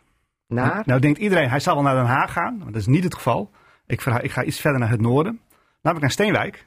Maar er ligt wel een provinciegrens tussen eh, Meppel en Steenwijk. Dus ik ga straks in Overijssel wonen. Ja, en da- daarmee raken wij ons derde eh, Kamerlid uit Drenthe kwijt. In ieder geval woont dit Kamerlid dan niet meer in Drenthe. Nee. En wij vinden het toch altijd wel belangrijk dat eh, in de Tweede Kamer wij goed vertegenwoordigd zijn met Drenten. Dan, daar kunnen wij u dan niet meer onder rekenen. Ja, dat, ik, dat, dat weet ik niet. Ik, ik zeg altijd, ik, ben, ik noem mezelf een Noorderling. Ik zeg altijd, zo ik iets ben, ben ik een Noorderling. Ik heb eh, overigens, eh, net als, eh als heb ik Friese roots. Ik woon al lang in Drenthe. Maar ik denk dat als je in Steenwijk gaat wonen, dat je nog steeds een Noorderling bent. En dat ik voor de belangen van Drenthe en overigens ook Groningen en Friesland in Den Haag nog steeds goed op kan komen. Oké, maar wat is er mis met Meppel dat u nou naar Steenwijk Oh, gaat? Helemaal niks. Wij wonen daar al 17 jaar met heel veel plezier. Maar we wilden eigenlijk heel graag een wat ander huis en wat dichter bij het station. Dat lukte in Meppel niet en in Steenwijk wel. En toen hebben we besloten om dan toch maar eh, Drenthe achter ons te laten en naar Overijssel te gaan. Maar eigenlijk boei je dan achteruit, want Steenwijk... Ja, nee, dat is gewoon waar. zo is het, ik zo ken is het het. gebied, want nou stap je in Steenwijk op de trein... en dan kom je langs Meppel. Hoe dom kun je zijn? staat tegenover dat, eh, dat, dat Steenwijk eh, al van oudsher een intercity station is. En dat ook altijd zal blijven, hebben ze bedongen. En eh, voor mij is het eh, straks sneller naar Den Haag, omdat ik net wat dichter bij het station in Steenwijk. Toch wel, terwijl Meppel hemelsbreed gezien per spoor dichter bij Ja, Den Haag uiteraard. ligt. uiteraard. En, Belachelijk eigenlijk, hè? Nou, Me- Meppel en Steenwijk is ook wel, vind ik, heel erg één regio. Als je kijkt naar een aantal voorzieningen en zo, dan delen we dat. Dus wij hebben zelf het gevoel dat we de streek niet uitgaan. Oké. Nou, eh, eh, ik heb ook al besloten, ehm, je mag blijven in Casata. nou, dat is heel fijn. ook al ben je geen Drents Kamerlid meer. Nee, ik vind wel dat de Als je maar wel belooft dat je de Drentse belangen donders goed gaat ja, vertegenwoordigen. daar, daar hoef je niet bang voor te zijn. Maar ik vind wel dat er te weinig Kamerleden gewoon uit het noorden van het land komen. Ja. En dat, eh, maar dat blijf ik. Ik blijf een Noorder. Ja, tuurlijk. Ach, Steenwijk is ook om de hoek van, van de gemeente Meppel. Sommige, Als je de Kolderveense bovenboer oversteekt, dan ben je al in Steenwijkerland. Ja, dan ben je Ja. Steenwiek. Oké. Goed, ehm, eh, dat was dus eh, ook eh, nieuws eh, vers eh, van de pers eh, met eh, de verhuizing. Maar wanneer ga je verhuizen trouwens? Eh, we gaan rond de jaarwisseling gaan wij van, eh, van Meppel naar Steenwijk. Oké, in het kerstreces ga jij verhuizen. Klopt. Nou, leuk zeg. Behangen. Ja, behangen, verven enzovoort. Goed, de kwesties eh, voor het radioforum, beste forumleden. We gaan direct naar het laatste nieuws, want de stikstofcrisis eh, werd door de commissie Remkes nader onderzocht. En die presenteert komende woensdag het advies aan het kabinet hoe dit op te lossen, hoe dit varkentje te wassen. Maar natuurlijk is het alweer uitgelekt en het advies luidt vooral dat het kabinet de snelste en de grootste slag kan maken met het forse inkruimpen van een veestapel. En dat zullen de boeren zeker niet leuk vinden. En het verlagen van de maximumsnelheid van 130 km per uur. En dan is het maar goed dat Erik Sings van de VVD hier niet zit. Maar Willemien Meeuwse wel. Willemien! Ja, Wat ik zeg las je het ook. Balen. Dit is niet wat we willen. En eh, ja, wij dachten nog dat er misschien wat, wat eh getornd zou kunnen worden aan de manier waarop wij er met z'n allen mee omgaan met dit hele probleem. Want we denken echt dat we, hè, we willen allemaal willen we mooie natuur, willen wij ook. Maar de manier waarop wij daar nu ehm, met allemaal bureaucratie omheen eh, eh, nou ja, een dikke bende van gemaakt hebben met elkaar. Ja, dat moet je niet willen. En wij dachten terug naar de bron. Ga bijvoorbeeld grotere natuurgebieden aanwijzen. En zorg dat je het daar goed niet al regelt. die postzegelplaatjes. En niet al die, want we hebben ook waanzinnig veel Natura 2000 gebieden, gebiedjes aangewezen destijds. Dus wij dachten echt, ga terug naar de kern en ga dan kijken eh, wat je daaraan kan doen. Maar nou ja, als, als dit is wat eruit komt, ja, het komt wel van Remkes, dus ik heb er ook nog wel vertrouwen in dat hij het goed heeft uitgezocht. VVD'er Ja, van die zal het wel goed hebben uitgezocht. Nou, daar schrik ik wel van. Ja. Dus natuurlijk moeten we het rapport nog lezen en dan kunnen we echt kijken wat er staat en wat het betekent ook voor Drenthe. Maar ja, dit schrik ik wel van. Maar eigenlijk krijgt D66 toch een beetje haar zin, of niet, Wim-Jan Renkema? Want die riep een paar weken geleden van de daken op de voorpagina's... eh, de helft van de veestapel moet eh, minderen, krimpen. Nou, kijk, de uitspraak van de Raad van State zegt van Nederland ga kijken hoe je verder kunt uitbreiden met bouwprojecten. Hoe ga je om met verkeer? Hoe ga je om eigenlijk met die, met die uitstoten? En eh, de, de natuur is niet het probleem. Ik bedoel, je kunt eh, moeilijk de natuur verwijten dat, dat, dat wij hier groeien met allerlei Nou ja, projecten. VNO-NCW eh, heeft, heeft, heeft al gezegd, en ook Bouwend Nederland... Het zijn allemaal postzegelplaatjes. Maak er grotere natuurgebieden van. Laat een paar postzegeltjes weg, want dan heb je minder glazer. Ja, het lastige is dat de, de partijen die dat zeggen ervoor hebben gezorgd dat, zo, dat we zo weinig natuur hebben in Nederland. Nou, Want eh, wij, stonden natuurlijk we, voor we, veel we grotere natuurgebieden. uit in, het, in de hoeveelheid natuur de afgelopen Nou, jaren. kijk, de- het wordt de- steeds meer. De ecologische hoofdstructuur die is geschrapt door het vorige kabinet. Dus er is eigenlijk al heel veel natuur verdwenen. Of de, de ruimte, die Nee, is er niet. er is- Kijk, en de veeteelt, want dat is de vraag van, van, eh, van jou, Margriet. De veeteelt is eh, zeker een sector waar je iets in moet doen. Dat betekent dat je daarin eh, de komende jaren, en ik vind dat je daar tijd voor moet nemen, moet kijken hoe kun je de boeren de kans geven om hun bedrijfsvoering aan te passen op een ander type economie, maar ook een andere, andere eh, eisen die aan hen worden gesteld. En of dat meteen betekent dat je binnen een paar jaar moet halveren, dat ga ik D66 hier niet nazeggen. Maar dat er iets moet gebeuren om eh, zeg maar de, de landbouw de kans te geven om verder te ontwikkelen, maar wel binnen de normen die we als samenleving dan gaan stellen.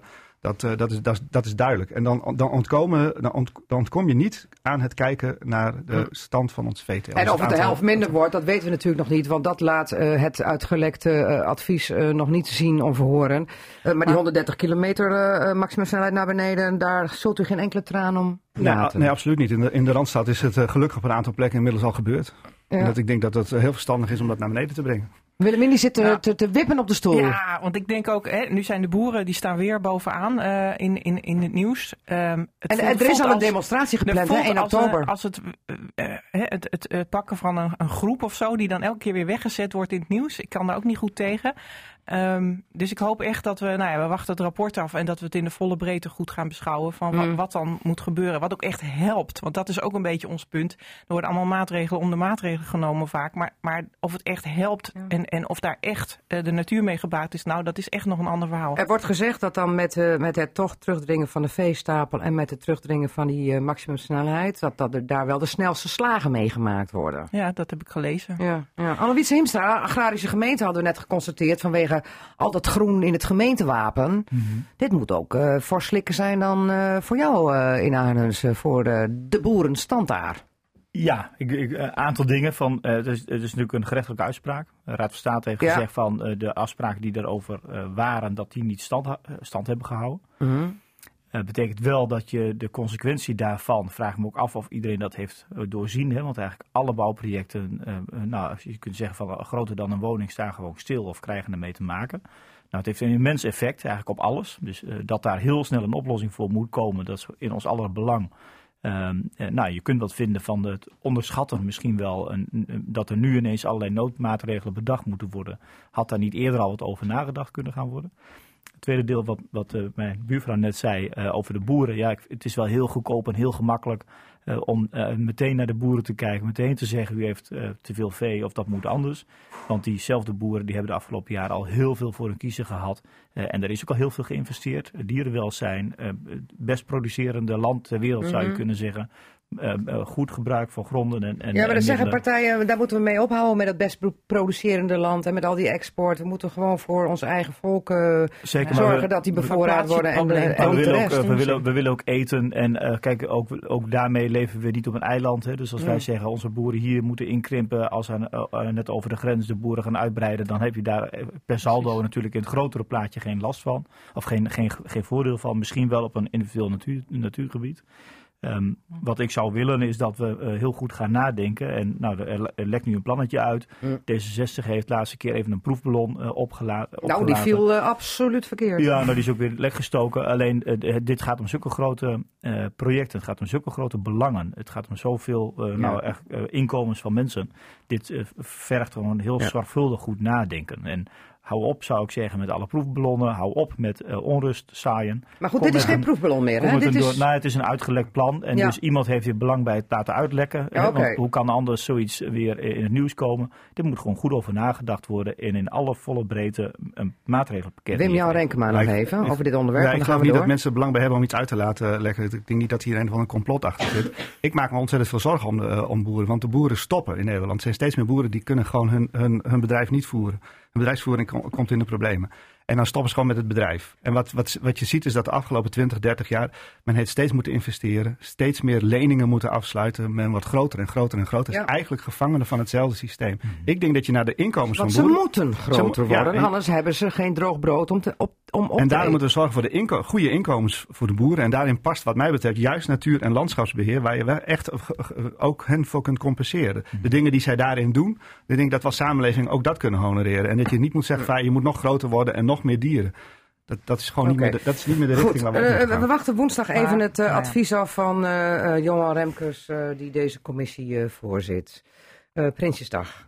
Iedereen kijkt er altijd naar uit. En wat ik dan altijd weer zo mooi vind, dan is altijd de vraag: wat heeft het voor het noorden opgeleverd? Helemaal niks. Dan denk ik, dat weten we toch al jaren. Dan hoeven we toch ook niet te mekkeren. Want jij schudt ook gelijk nee, Willemien hè? Nee, eh, hoezo helemaal niks? Eh, er is niet specifiek het Nee, noorden genoemd. het Drenthe is weer niet Maar genoemd. maar ja, wordt nooit genoemd. Er worden allemaal maatregelen genoemd waar ook het noorden, net zoals het zuiden en het oosten, ook belang bij hebben. Oké, waar werd jij blij van? Nou ja, de koopkracht van de middengroepen, dat is natuurlijk iets waar we Ja. eh, al een tijd over horen dat dat, eh belang, dat, dat Maar dat wisten we al voor Prinsjesdag, hè? Nou ja, maar dat wordt dan gestald gedaan. Dus Ja. daar, ben ik echt blij mee. Ik denk Ja. dat dat heel belangrijk is. Dat iedereen het ook gaat merken dat het beter gaat in Nederland. Nou, daarnaast is dat investeringsfonds genoemd, maar dat is nog niet uitgewerkt. Ja, een beetje vaag verhaal, hè? Van die 10 Nou ja, miljard. Dat gaan ze nog uitwerken.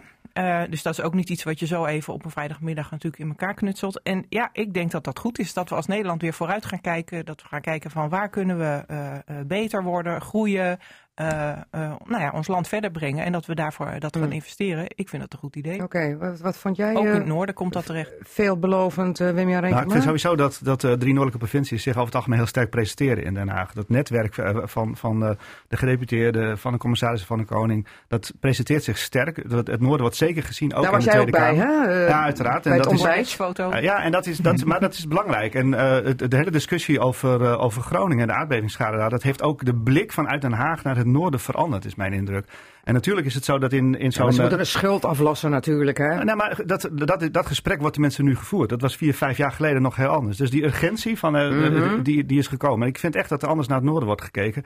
Kijk, die, die, uh, die, die troonrede gaat over de samenleving als geheel. En om nou te zeggen, nou, er moet specifiek iets over Drenthe of over Limburg in staan. Dat vind ik niet. Als het gaat over de, de, de, dat miljardenfonds wat er komt, is het inderdaad Ja. nog vaag waar dat precies uit bestaat. Ja. Als dat richting infrastructuur zou gaan en investeringen voor de lange termijn, dan vind ik wel dat het noorden eh, recht van spreken heeft om te zeggen, Ja. dan moet een deel daarvan ook naar, hier naartoe komen. Ja, ja, ja. Daar gaan we het zo meteen nog over, eh, even over die noordelijke eendracht hebben. Maar eerst nog even Anne Witse Hiemstra, Prinsjesdag. Hoe kijk jij daar als burgemeester van een plattelandsgemeente naar? Nou, überhaupt eh, het, het feit dat het Prinsjesdag is eh, en dat dat ook netjes ging in de Tweede Kamer. Je kunt zeggen misschien wat eh, al te eh, vlak en gematigd, maar ik denk het, het netjes en het is het feest van de democratie. Het is toch jaarlijks de plannen voor, eh, die voor het komende jaar eraan zitten te komen. Eh, ik ben het ook eens met van je kunt niet elke provincie, elke plaats, elke probleem benoemen. Eh, in zijn algemeen denk ik van nou, wat daar gezegd is, gematigd positief. Oké. Het grootste pijnpunt bij de gemeenten, want als we dan toch maar even naar de gemeente toe gaan, Ja. is er heel veel geld. En dan kan het toch simpelweg niet zo zijn dat nu al die gemeenten, heel veel gemeenten althans, echt zwaar moeten bezuinigen. Dat komt door de zorg, dat komt door allerlei eh, andere bijkomende Ja, de, kosten. de die kosten van jeugdzorg en WMO. die niet gecompenseerd worden door het Rijk. En dat kan niet, hè, want uiteindelijk eh, zeggen we met z'n allen, ook de inwoners moeten mee profiteren van de betere economie, de betere omstandigheden. Ja, als je dan wat meer krijgt, zeg maar, van de Rijksoverheid, dat je vervolgens weer gekort wordt hè, door de stijging van OCB of wat dan ook, de lokale overheid, Ja. dan doe je het niet goed. Ja, maar daar dus wou ik wel dat- even naartoe. Want de, hè, de G40, de, g- dat zijn de grote gemeenten. Ja. Die trokken nog aan de bel. Die zegt van, eh, nou kijk, eh, het kabinet doet dan weer eh, zijn uitstekende best om het zoet te presenteren. Maar hè, Jan Swiers van Koevoorde zegt ook van, ik schaam me voor dit kabinet. Want ondertussen worstelen wij met miljoenen bezuinigingen vanwege hoge uitgaven voor de jeugdzorg en WMO. En, rekenen, en presenteren wij de burger de rekening door eh, de lokale lasten te verhogen. eh, en dat mensen ook moeten overwegen of, of eh, colleges van bibliotheken sluiten, eh, inkrimpen, zwembaden inkrimpen, openingstijden.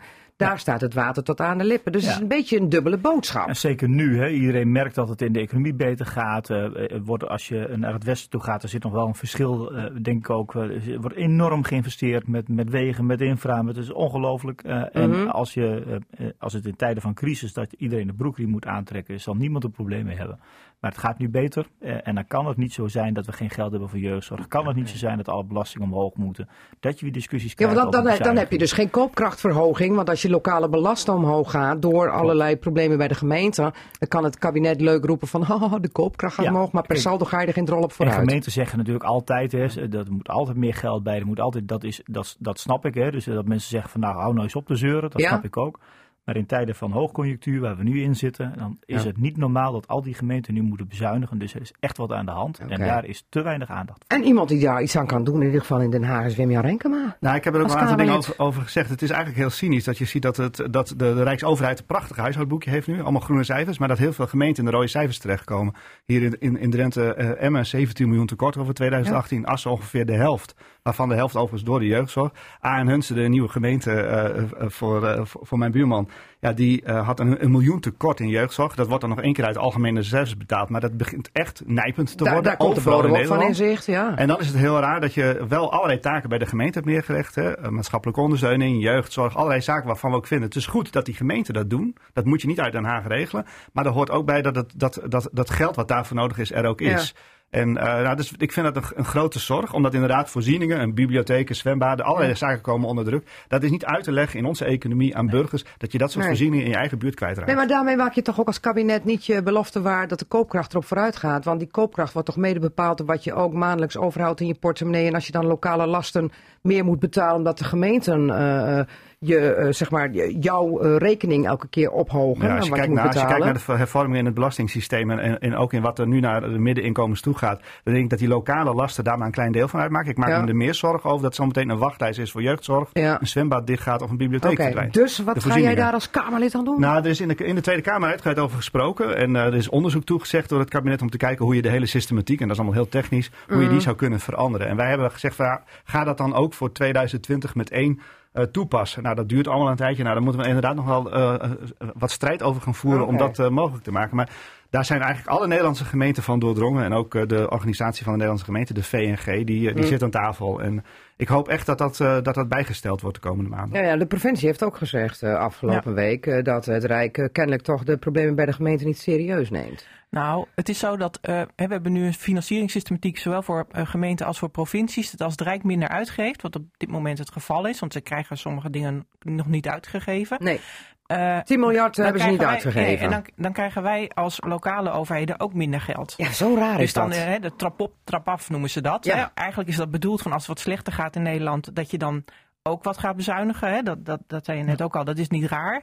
Maar dat, nu is het wel raar. Maar omdat het ik ben Rijk die daar 10 ook mee miljard niet Dus ik- krijgt. Ook, ik zie ook dat er in, in, ook in gemeentes waar eh, de VVD in het college zit en de, hè, de OZB eigenlijk niet de bedoeling is dat die verhoogd wordt, dat die ook geen andere eh, eh, mogelijkheid meer zien dan om de OZB te verhogen. En ja, dat lijkt mij niet de bedoeling. Goed, dus ik we het gaan nog even door. We hebben nog even een klein dingetje over die noordelijke eendracht.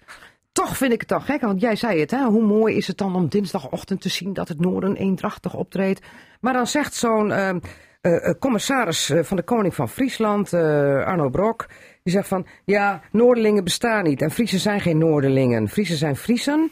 En hij vond dat het noorden ook geen homogene eenheid is. En denk ik, hij is voorzitter dit keer van, de van het samenwerkingsverband Noord-Nederland.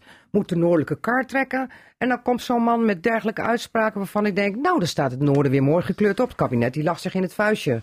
Noorden is geen noorden. Ja, jij lacht ook al, Wilja ja, denken maar. Nou ja, dat komt ook omdat ik zo net zei dat ik mezelf echt als Noorderling zie. Dus eh, ik geloof dat Arno Brok eh, zegt dat dat... eh, ja, ik ben het er eigenlijk niet mee eens. Ik denk dat heel veel mensen in het noorden veel met elkaar delen.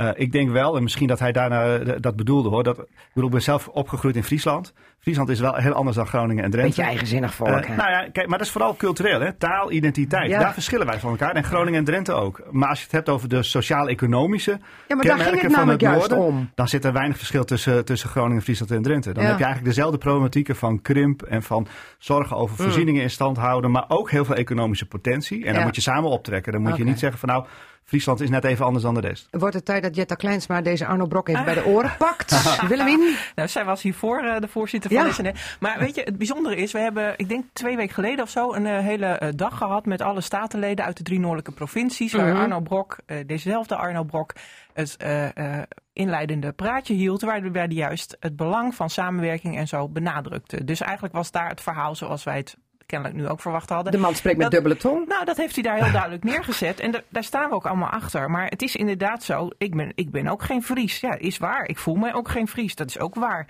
Ik, eh, ik voel nu mij ook geen Veendrent. Want dat ben ik ook niet. Maar ik ben wel Noorderling. Dus ik denk dat je dat een beetje uit elkaar moet trekken. Van, van ben je, ben je, voel je je Noorderling?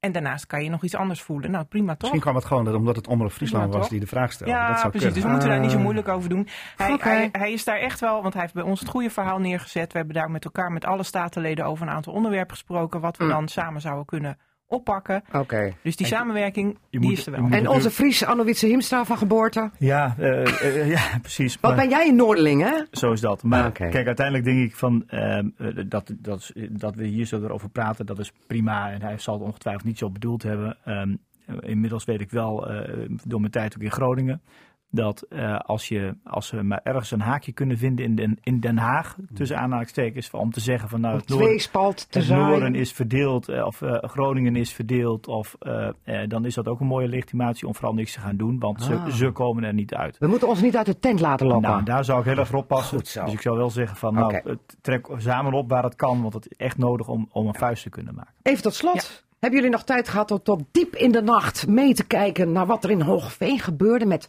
de ijsbaansoap? Ik heb het niet letterlijk gevolgd, maar natuurlijk wel op een afstandje. Ik Ja? zat er diep in de nacht Ja. in Den Haag. Dus. Ah, Oké, ja, daar was er ook nachtelijke escapades hè, in verband met de tweede ronde van eh, de miljoenennota. Ja, ja, Ja. Ehm, ehm, als je kijkt naar Hoogveen, de ijsbaansoap en eh, dat het allemaal niet doorgaat, wat zeg je dan kort? Nou, ik heb, eh, dat rekenkamerrapport ligt er al een tijdje. Wat, wat mij vooral eh, bezighoudt is dat je merkt dat zo'n soort van besluit nu ook de politieke verhoudingen zou beïnvloeden. En dat een motie van wantrouwen toch een heel zwaar instrument, Mhm. dat, dat dat wordt ingezet. En eh, dat, dat vind ik vooral zorgelijk. Ja, Willemien Meeuwsen. Ja, en, ik- en hij de sessie helpt dat daaraan? Nou, ja, dat weet ik natuurlijk niet. Dus ze kunnen het proberen. Maar Je denk, met Debbie wat- Bruin wat- staan eh, praten. Ja, ik heb nog even met Debbie gesproken. Partijgenoot? Zo is dat. Ehm, wat ik wel lastig vind is dat eh eh Karel Lohuis, de burgemeester, dat hij ook onderwerp is van de discussie. Ja. En dat hij eigenlijk ook de belangrijkste persoon is die daar de partijen bij elkaar moet krijgen. Ja, dus hij moet nog twee keer zoveel zijn hand uitsteken dan die normaal zou moeten doen. Ik denk een fikse klus. Dus ik, Ja. Nou, ik wens hem veel succes. Want er zit ook wel een deukje aan Karel Lohuis toch in dit Ja. dossier? Ja, ja. En aan de provincie. Trouwens, laten we dat niet vergeten. Ja, nou, Ja. ja. Ja, Ja, daar hoorde ik in het vorige uur, ik heb een deel gehoord, ook wat opmerkingen over. Ben ik het ook niet helemaal mee eens. Maar ik denk niet dat we daar tijd voor hebben om Nee, daar nee, nu op nee, in te nee. gaan. En Anne Witse Himstra, die staat aan de zijlijn, was daar heel blij mee. En alle kruiddampen zijn weer neergedaald. En die geeft dan het volgende advies. Als forumlid. Nou, zoek, zoek elkaar op. Hè? Want eh, dat zag ik het vorige uur inderdaad Ja. ook. Uiteindelijk blijft de discussie. En uiteindelijk, eh, en dat ben ik ook eens met wat net gezegd is. Je moet verder met elkaar. Je moet de schouders er samen o- onder zetten. Dat is het belang van de inwoners. Het het belang van elke gemeente. Een stabiel bestuur waarbij je best kritisch mag zijn. Maar uiteindelijk wel voldoende vertrouwen in elkaar moet hebben. Om ook stappen vooruit te kunnen zetten. Want Ben je, anders... ben je beschikbaar om straks mede hij op te gaan als soort intermediair? Tuurlijk niet. Tuurlijk Oude niet. bekende? Tuurlijk niet. Nee, Nee. Dat, tuurlijk niet. Maar dat, dat wens ik iedereen toe. Hè? Niemand wordt hier beter van en voor niemand is dit leuk. eh, en dus er moet een oplossing komen. Eh, forumleden, ik ga jullie bedanken voor jullie inbreng. Eh, Wim-Jan, ik zie je nog wel voor jou een verhuizing. Maar het hoogste woord is er nu uit. Wij gaan weer een Drents Kamerlid kwijt. Maar geen Noordelijk Kamerlid. Geen Noordelijk Kamer. En Willemien Meeuwsen en Anneliese Hiemstra, die moet nog even nablijven. Cassata. Altijd in de buurt. Radio Drenthe. Gerhard Heusingveld, Apple Knockers Flaphouse. Wat is dat? Appelnokkers zijn appelplukkers, letterlijk. Ja? Eh, en een flophouse is een, eh, ja, een krakkemikkige hut. Ja, een, be- een beetje een loesje hotel. eh, dat is, is, is Amerikaans, geloof ik, slang. Ja, ja, het is slang voor ja, de appelplukkers van toen die sliepen in zo'n in zo'n hut. Appelplukkers. Hadden wij in Drenthe appelplukkers? Ik weet het niet. Ik weet het niet, want het is eigenlijk geschreven door Harry uh, QB Musquet zelf. Ja, En Eelco Gelling, geloof ik, eh, heeft het op muziek gezet. En eh, dan denk ik, appelplukkers in Drenthe, want eh, de basis was toen nog altijd Grollo, hè? ja. Ja. Maar eh, hij woonde toen in een boerderijtje waar die eh, flophouse voor stond. Dus Ja, hij woonde ja. gewoon een gezellige, krakkemikkige hut. Ja, het was een beetje Hotel de Zoete Inval volgens Precies. mij. Goed. Eh, ehm, en als u denkt van waar gaat dit over? Nou, deze stevige rockmuziek die u eigenlijk te doen gebruikelijk niet bij Radio Drenthe hoort, die draaien we speciaal. Vanwege iets speciaals, want donderdagavond, 26 september, en 26 september is de sterfdag van Harry Musquet. Eh, dan moet ik even nadenken, 2011 is hij overleden op eh, 70-jarige leeftijd. En het is 50 jaar geleden dit jaar dat het eh, roemruchte album Apple Knockers Flaphouse met ook dit nummer uitkwam. En daar is eh, donderdagavond een muziekspektakel omheen gebouwd. Ja, eh, door eh, Poplab en door Kunst en Cultuur. En eh, Gerhard is daarvan de artistiek leider. Klopt. Dat zeg ik toch goed, hè? Ja, helemaal goed. Ja. Klinkt fantastisch. En ik zei al tegen onze speciale tafelgast eh, van eh, donderdagavond naar Grollo. En toen zei u, Anne-Wietse Heemstra... Je hebt dan gemeenteraads. Gemeenteraadsvergadering. Ja, hè? kan, kan je hun niet meenemen? Volgens mij bereik je dan meer dan eh, eh, vier uur vergaderen. Ja, dat lijkt me een heel strak plan. Ze hebben wel 17 vergaderpunten. Nee, maar, Ja. maar ik weet zeker als je die 17 vergaderpunten aan het eind van de avond doet, dat je het in 10 minuten geregeld hebt. Dat Ja. denk ik ook, ja. Als, je daar een hele avond, dat denk ik ook. Ja. Nou, ik zou u wel een trend zetten, want het is een andere manier van vergaderen dan te doen gebruikelijk in Zo is dat, zo is dat. Ja, dan doen we even een pauze in de raadsvergadering. Ja, Dat met een vleug cultuur. Ja. En het is natuurlijk belangrijke cultuur, want door eh en de Blizzard staat eh, Grollo en daarmee Aanhunsen wel op de kaart. Ja, absoluut. Ja. Ja. heel veel mensen kennen dat natuurlijk ook gewoon Ja. daardoor.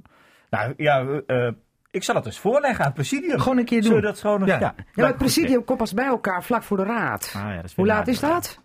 Nou, ik denk zelfs dat het presidium al geweest is. Ik denk dat ik leid het even af. Dan kunnen Ja. we naar het volgende onderwerp toe. Ja, oh, oké. Nee, Nee, nee, we zijn nee. gisteren, kijk, eh, we- even alle gekheid, het is natuurlijk super belangrijk voor, voor Grollo, voor eigenlijk de hele gemeente, hè, want iedereen die kent het, iedereen kent Grollo daardoor, van, vanwege het, eh, Ja, het voor de festival, provincie, ja. alles wat er Ja. gebeurd is. Ja. Nou, dat daar nu bij stilgestaan wordt op deze manier, Ja. denk ik, dat is hartstikke mooi, heel Ja. goed. We gaan zo meteen eh, uitgebreid verder praten, Gerhard, Ja. over het muziekspektakel, wat het allemaal inhoudt en waarom. En of daar ook naakte danseressen.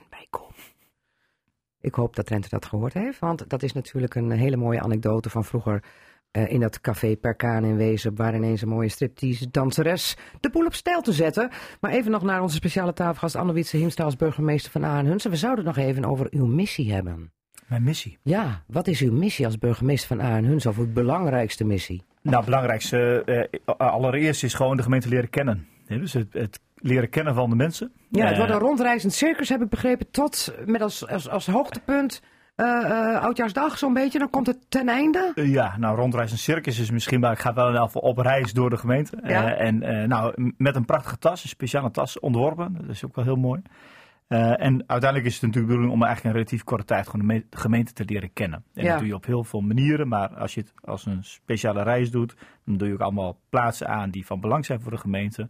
Ontmoet je mensen die je misschien op een andere manier niet zou ontmoeten. Mhm. Eh, en dat je daarmee in elk geval nog voor het nieuwe jaar al een duidelijk beeld hebt van de gemeente. Ga je op de fiets? Eh, nou, als dat kan.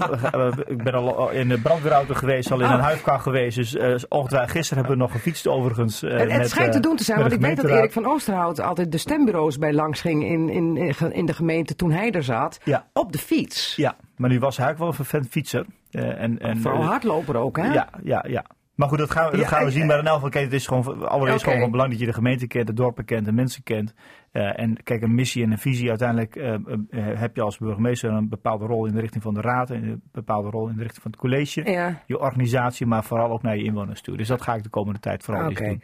Maar op de dag van uw installatie ging u al langs Schoonlo, Grollo, Nooit gedacht, Eeks en Gieten. Die komen dan niet meer aan de beurt, denk ik, of wel? Dat kan natuurlijk wel. Oh, maar, wie- bepaalt dan waar u dan nog langs gaat en welke locaties u gaat bezoeken? Nou, de, de inwoners. Dus ik heb ook daar een, een oproep gedaan. Dat zal de komende weken ook herhaald worden. om te vragen van, nou, heb je een leuke plek? Heb je een leuk idee? Heb je een groep mensen? Heb je iets bijzonders Oh, wat niet wilt net als wat de commissaris heeft gedaan bij haar eh, komst naar Drenthe. Van nodig me vooral uit, wat moet ik zien? Ja, nodig me vooral uit wat moet ik zien. De eerste aanvragen zijn er ook al. eh, alleen het moet natuurlijk wel passen en het moet allemaal kunnen. Ja. Ik heb ook gezegd van eh, we doen nu 20 eh, nog voor het nieuwe jaar. Ja. En, maar het, het is ook niet een, ik ben ook niet tot het nieuwe jaar burgemeester van Aanunzen, maar hopelijk veel langer. Ja. En dus komt er ook een tijd. niet weer een negen maands Zo is dat. Dus er komt ook na, worden. na 1 januari komt er, ook, komt er ook nog genoeg tijd. Hè. Dus als er heel veel goede ideeën zijn, dan gaan we dat gewoon proberen te doen. Eh, en ik vind het gewoon leuk om te kijken van zijn er verrassende dingen, zijn er nieuwe dingen. Nou, dan nodig ik mezelf graag daaruit. Even tot slot, eh, als het gaat om de missie. ehm, in Appingedam veel te maken gehad met de aardbevingsschade, de ellende, de psychische schade bij de mensen. Ja. En ik, ik kan het natuurlijk absoluut niet vergelijken, maar er is op dit moment toch ook wat ellende in Arnhem als het gaat om windmolens. Eh, toch, het brengt toch tweespalt teweeg Mhm. in, eh, in de dorpen. Eh, boeren die wel windmolens willen, bewoners die het niet willen. Men is tot het uiterste gegaan bij de Raad van State, maar ze zullen er wel komen, want alles is nu gebeurd qua Mhm. rechtsgang. Eh, is daar nog een rol weggelegd voor u? Zeker. Al was het maar. Hè. Dus eerst, en ik heb het ook eerder gezegd, van, eh, er is een omgevingsadviesraad. Het is, Ja. Op zich gaat dat goed nu. Eh, maar voor mij is het natuurlijk heel Daar erg komen alle van- betrokkenen bij elkaar hè, om Zeker. te overleggen. Ja, en voor mij is het van groot belang gewoon te weten wat, welke gevoelens ze leven. Eh, eh, dus ik ga gewoon in gesprek met mensen. Dat is, dat is eh, verreweg altijd het belangrijkste. Ja. Er is ook wat bevingsproblematiek, ook in onze gemeente. Ja, zit ook iets met met, gaswinning zoutwinning, ook in onze en gemeente. zoutwinning inderdaad. Dus, maar het- dat zijn hele belangrijke thema's. Ook als er zorgen en problemen zijn, dan moet je er zijn. Eh, Mhm. Ik heb de indruk dat het op zich nu redelijk goed loopt in Aanunzen. Maar dat ga ik de komende tijd ook gewoon waarnemen en zien. En als ik ergens iets van toegevoegde waarde kan zijn, dan zal ik daar gewoon zijn. U heeft wel geluk, want in Borger-Odoorn is het allemaal wel even een tikkeltje erger. Want daar zijn eh, de mensen zo tegen elkaar eh, opgedrongen door die windmolens. Dat er eh, spra- zelfs sprake is van windmolenterreur. Hè? Dat weet u, met dreigbrieven en aannemers eh, die brieven krijgen en die zich dan Oh. terugtrekken. Ja. Ah, ja. Er zijn ook boeren die het niet willen, hè? Want je zei net, oh, de boeren ja, willen het wel en de maar- bevolking ja, niet. Er zijn ook boeren die niet die het niet willen. Ja. Dus dat is een schone taak. Ja, zeker. Oké, Ja. goed.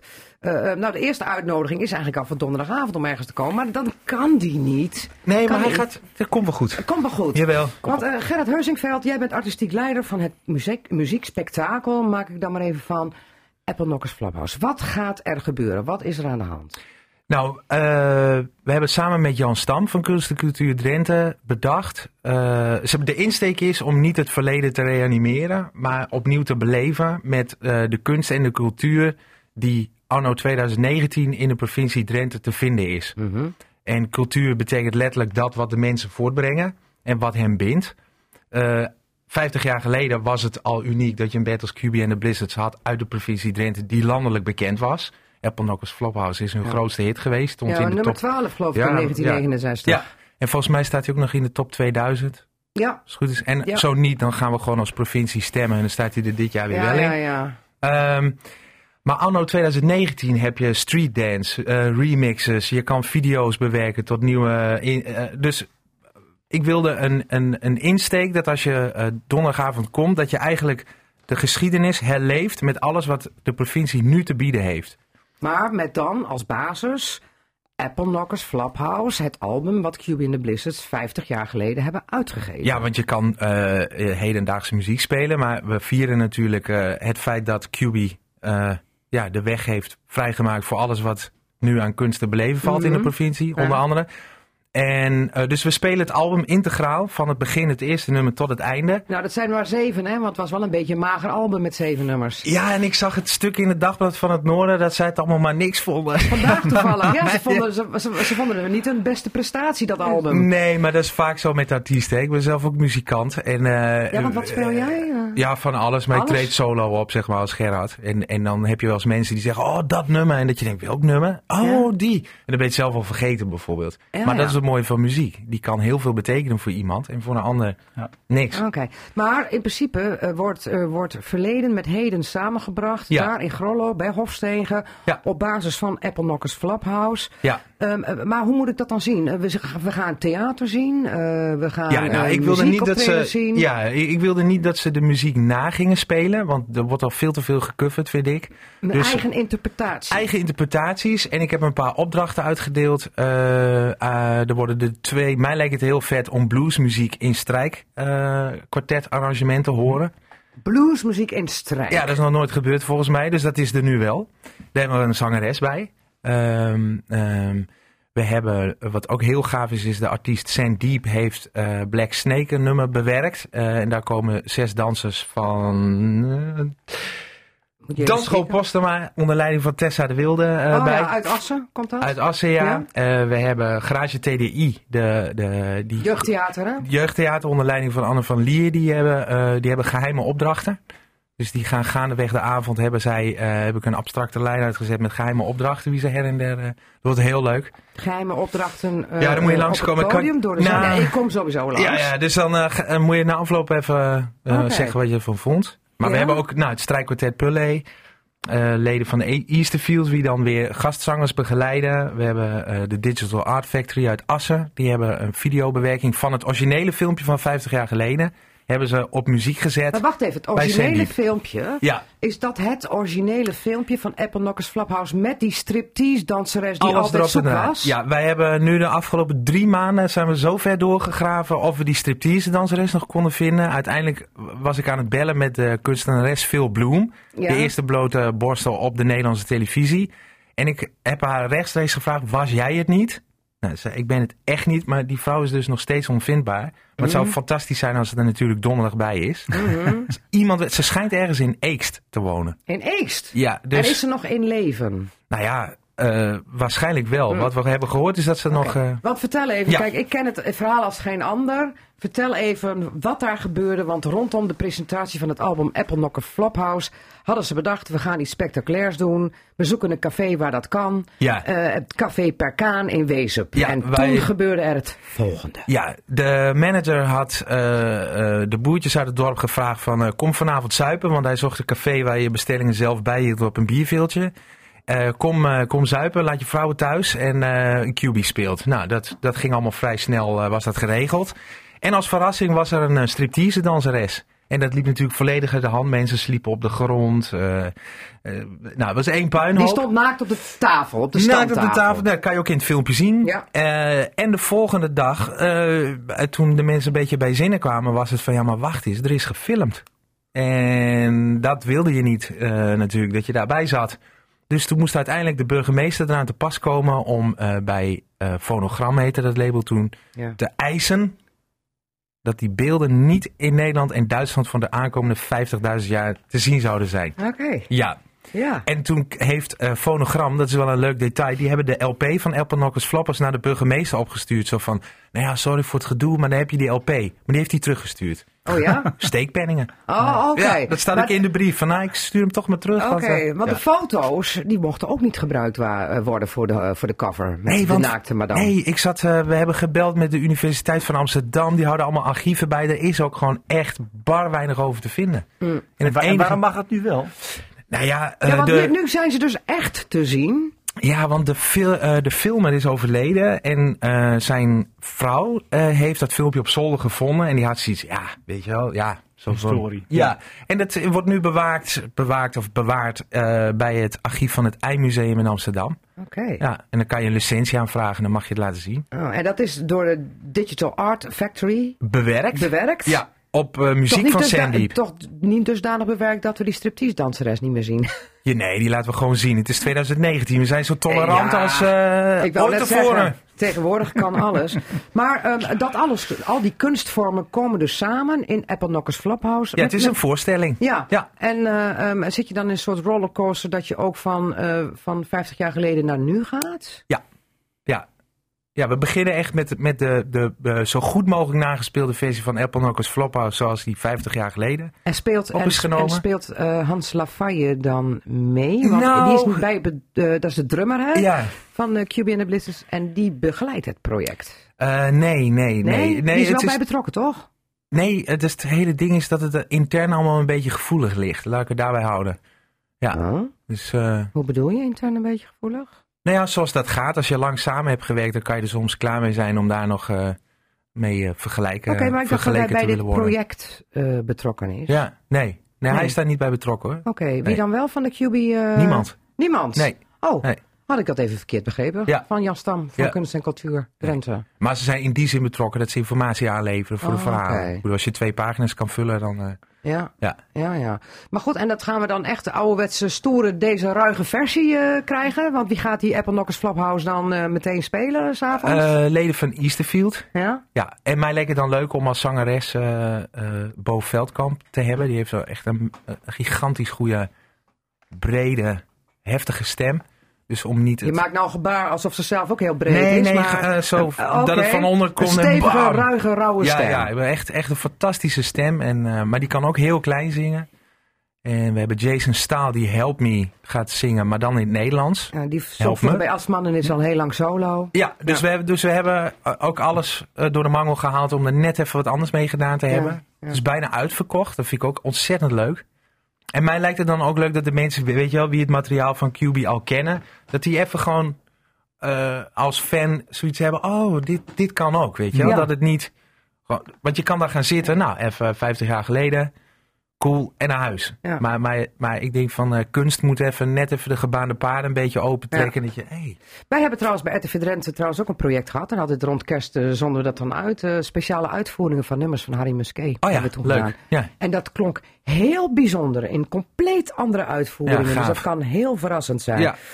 Ehm, nou is het zo dat het 26 september op de sterfdag van Harry Musquet eh, allemaal uitgevoerd wordt. Ja, Maar eh, als het nou volle bak is en succes eh, verzekerd voor een volgende editie, gaan we dat nog een keer beleven. Dan rond november is het album ooit uitgegeven volgens mij. Ja, september ook. Ja, Daarom was het zo, zo mooi om het in Ja. september te doen. Ja. Ja, we, er zijn wel, enkele, we zijn wel gesprekken aan het voeren om het nog op andere plekken uit te kunnen voeren. Ja, want, want stel eens voor dat je denkt van nou, eh, dit smaakt naar meer en één keer is een beetje jammer en Ja, weinig. ja, als het Atlas Theater in Emmen belt en zegt we willen het hier neerzetten, dan... eh, dan Daar kom je wel. ja, ja, ik niet, want ik nou, hoef aan niet jou nu even het podium voor Apple Knockers Flaphouse. eh, Gerhard Heusingveld, artistiek leider. Waarom moeten mensen donderdagavond heen gaan en waar vooral en hoe laat? Eh, half negen beginnen we met de voorstelling. En je moet vooral komen, ten eerste eh, eh, om helden moet je eren. En eh, helemaal iemand als eh Harry Musquet die ja, de, de baan heeft gemaakt voor alles wat er nu te beleven valt. En je krijgt een onvergetelijke avond. Oké, Eh, dit was Casata. Wat mij betreft tot donderdagavond of tot volgende week. Dag! Je luisterde naar Casata. Dat is te beluisteren als radioprogramma op zaterdagmiddag, maar sinds kort ook als podcast. Net als het radioprogramma Drenthe Toen. Vond je dit nou interessant? Geef ons dan 5 sterren en laat je beoordeling achter. En vertel het natuurlijk aan vrienden, familie en collega's. Want daarmee help je ons zodat we nog meer luisteraars kunnen bereiken. Tot volgende week.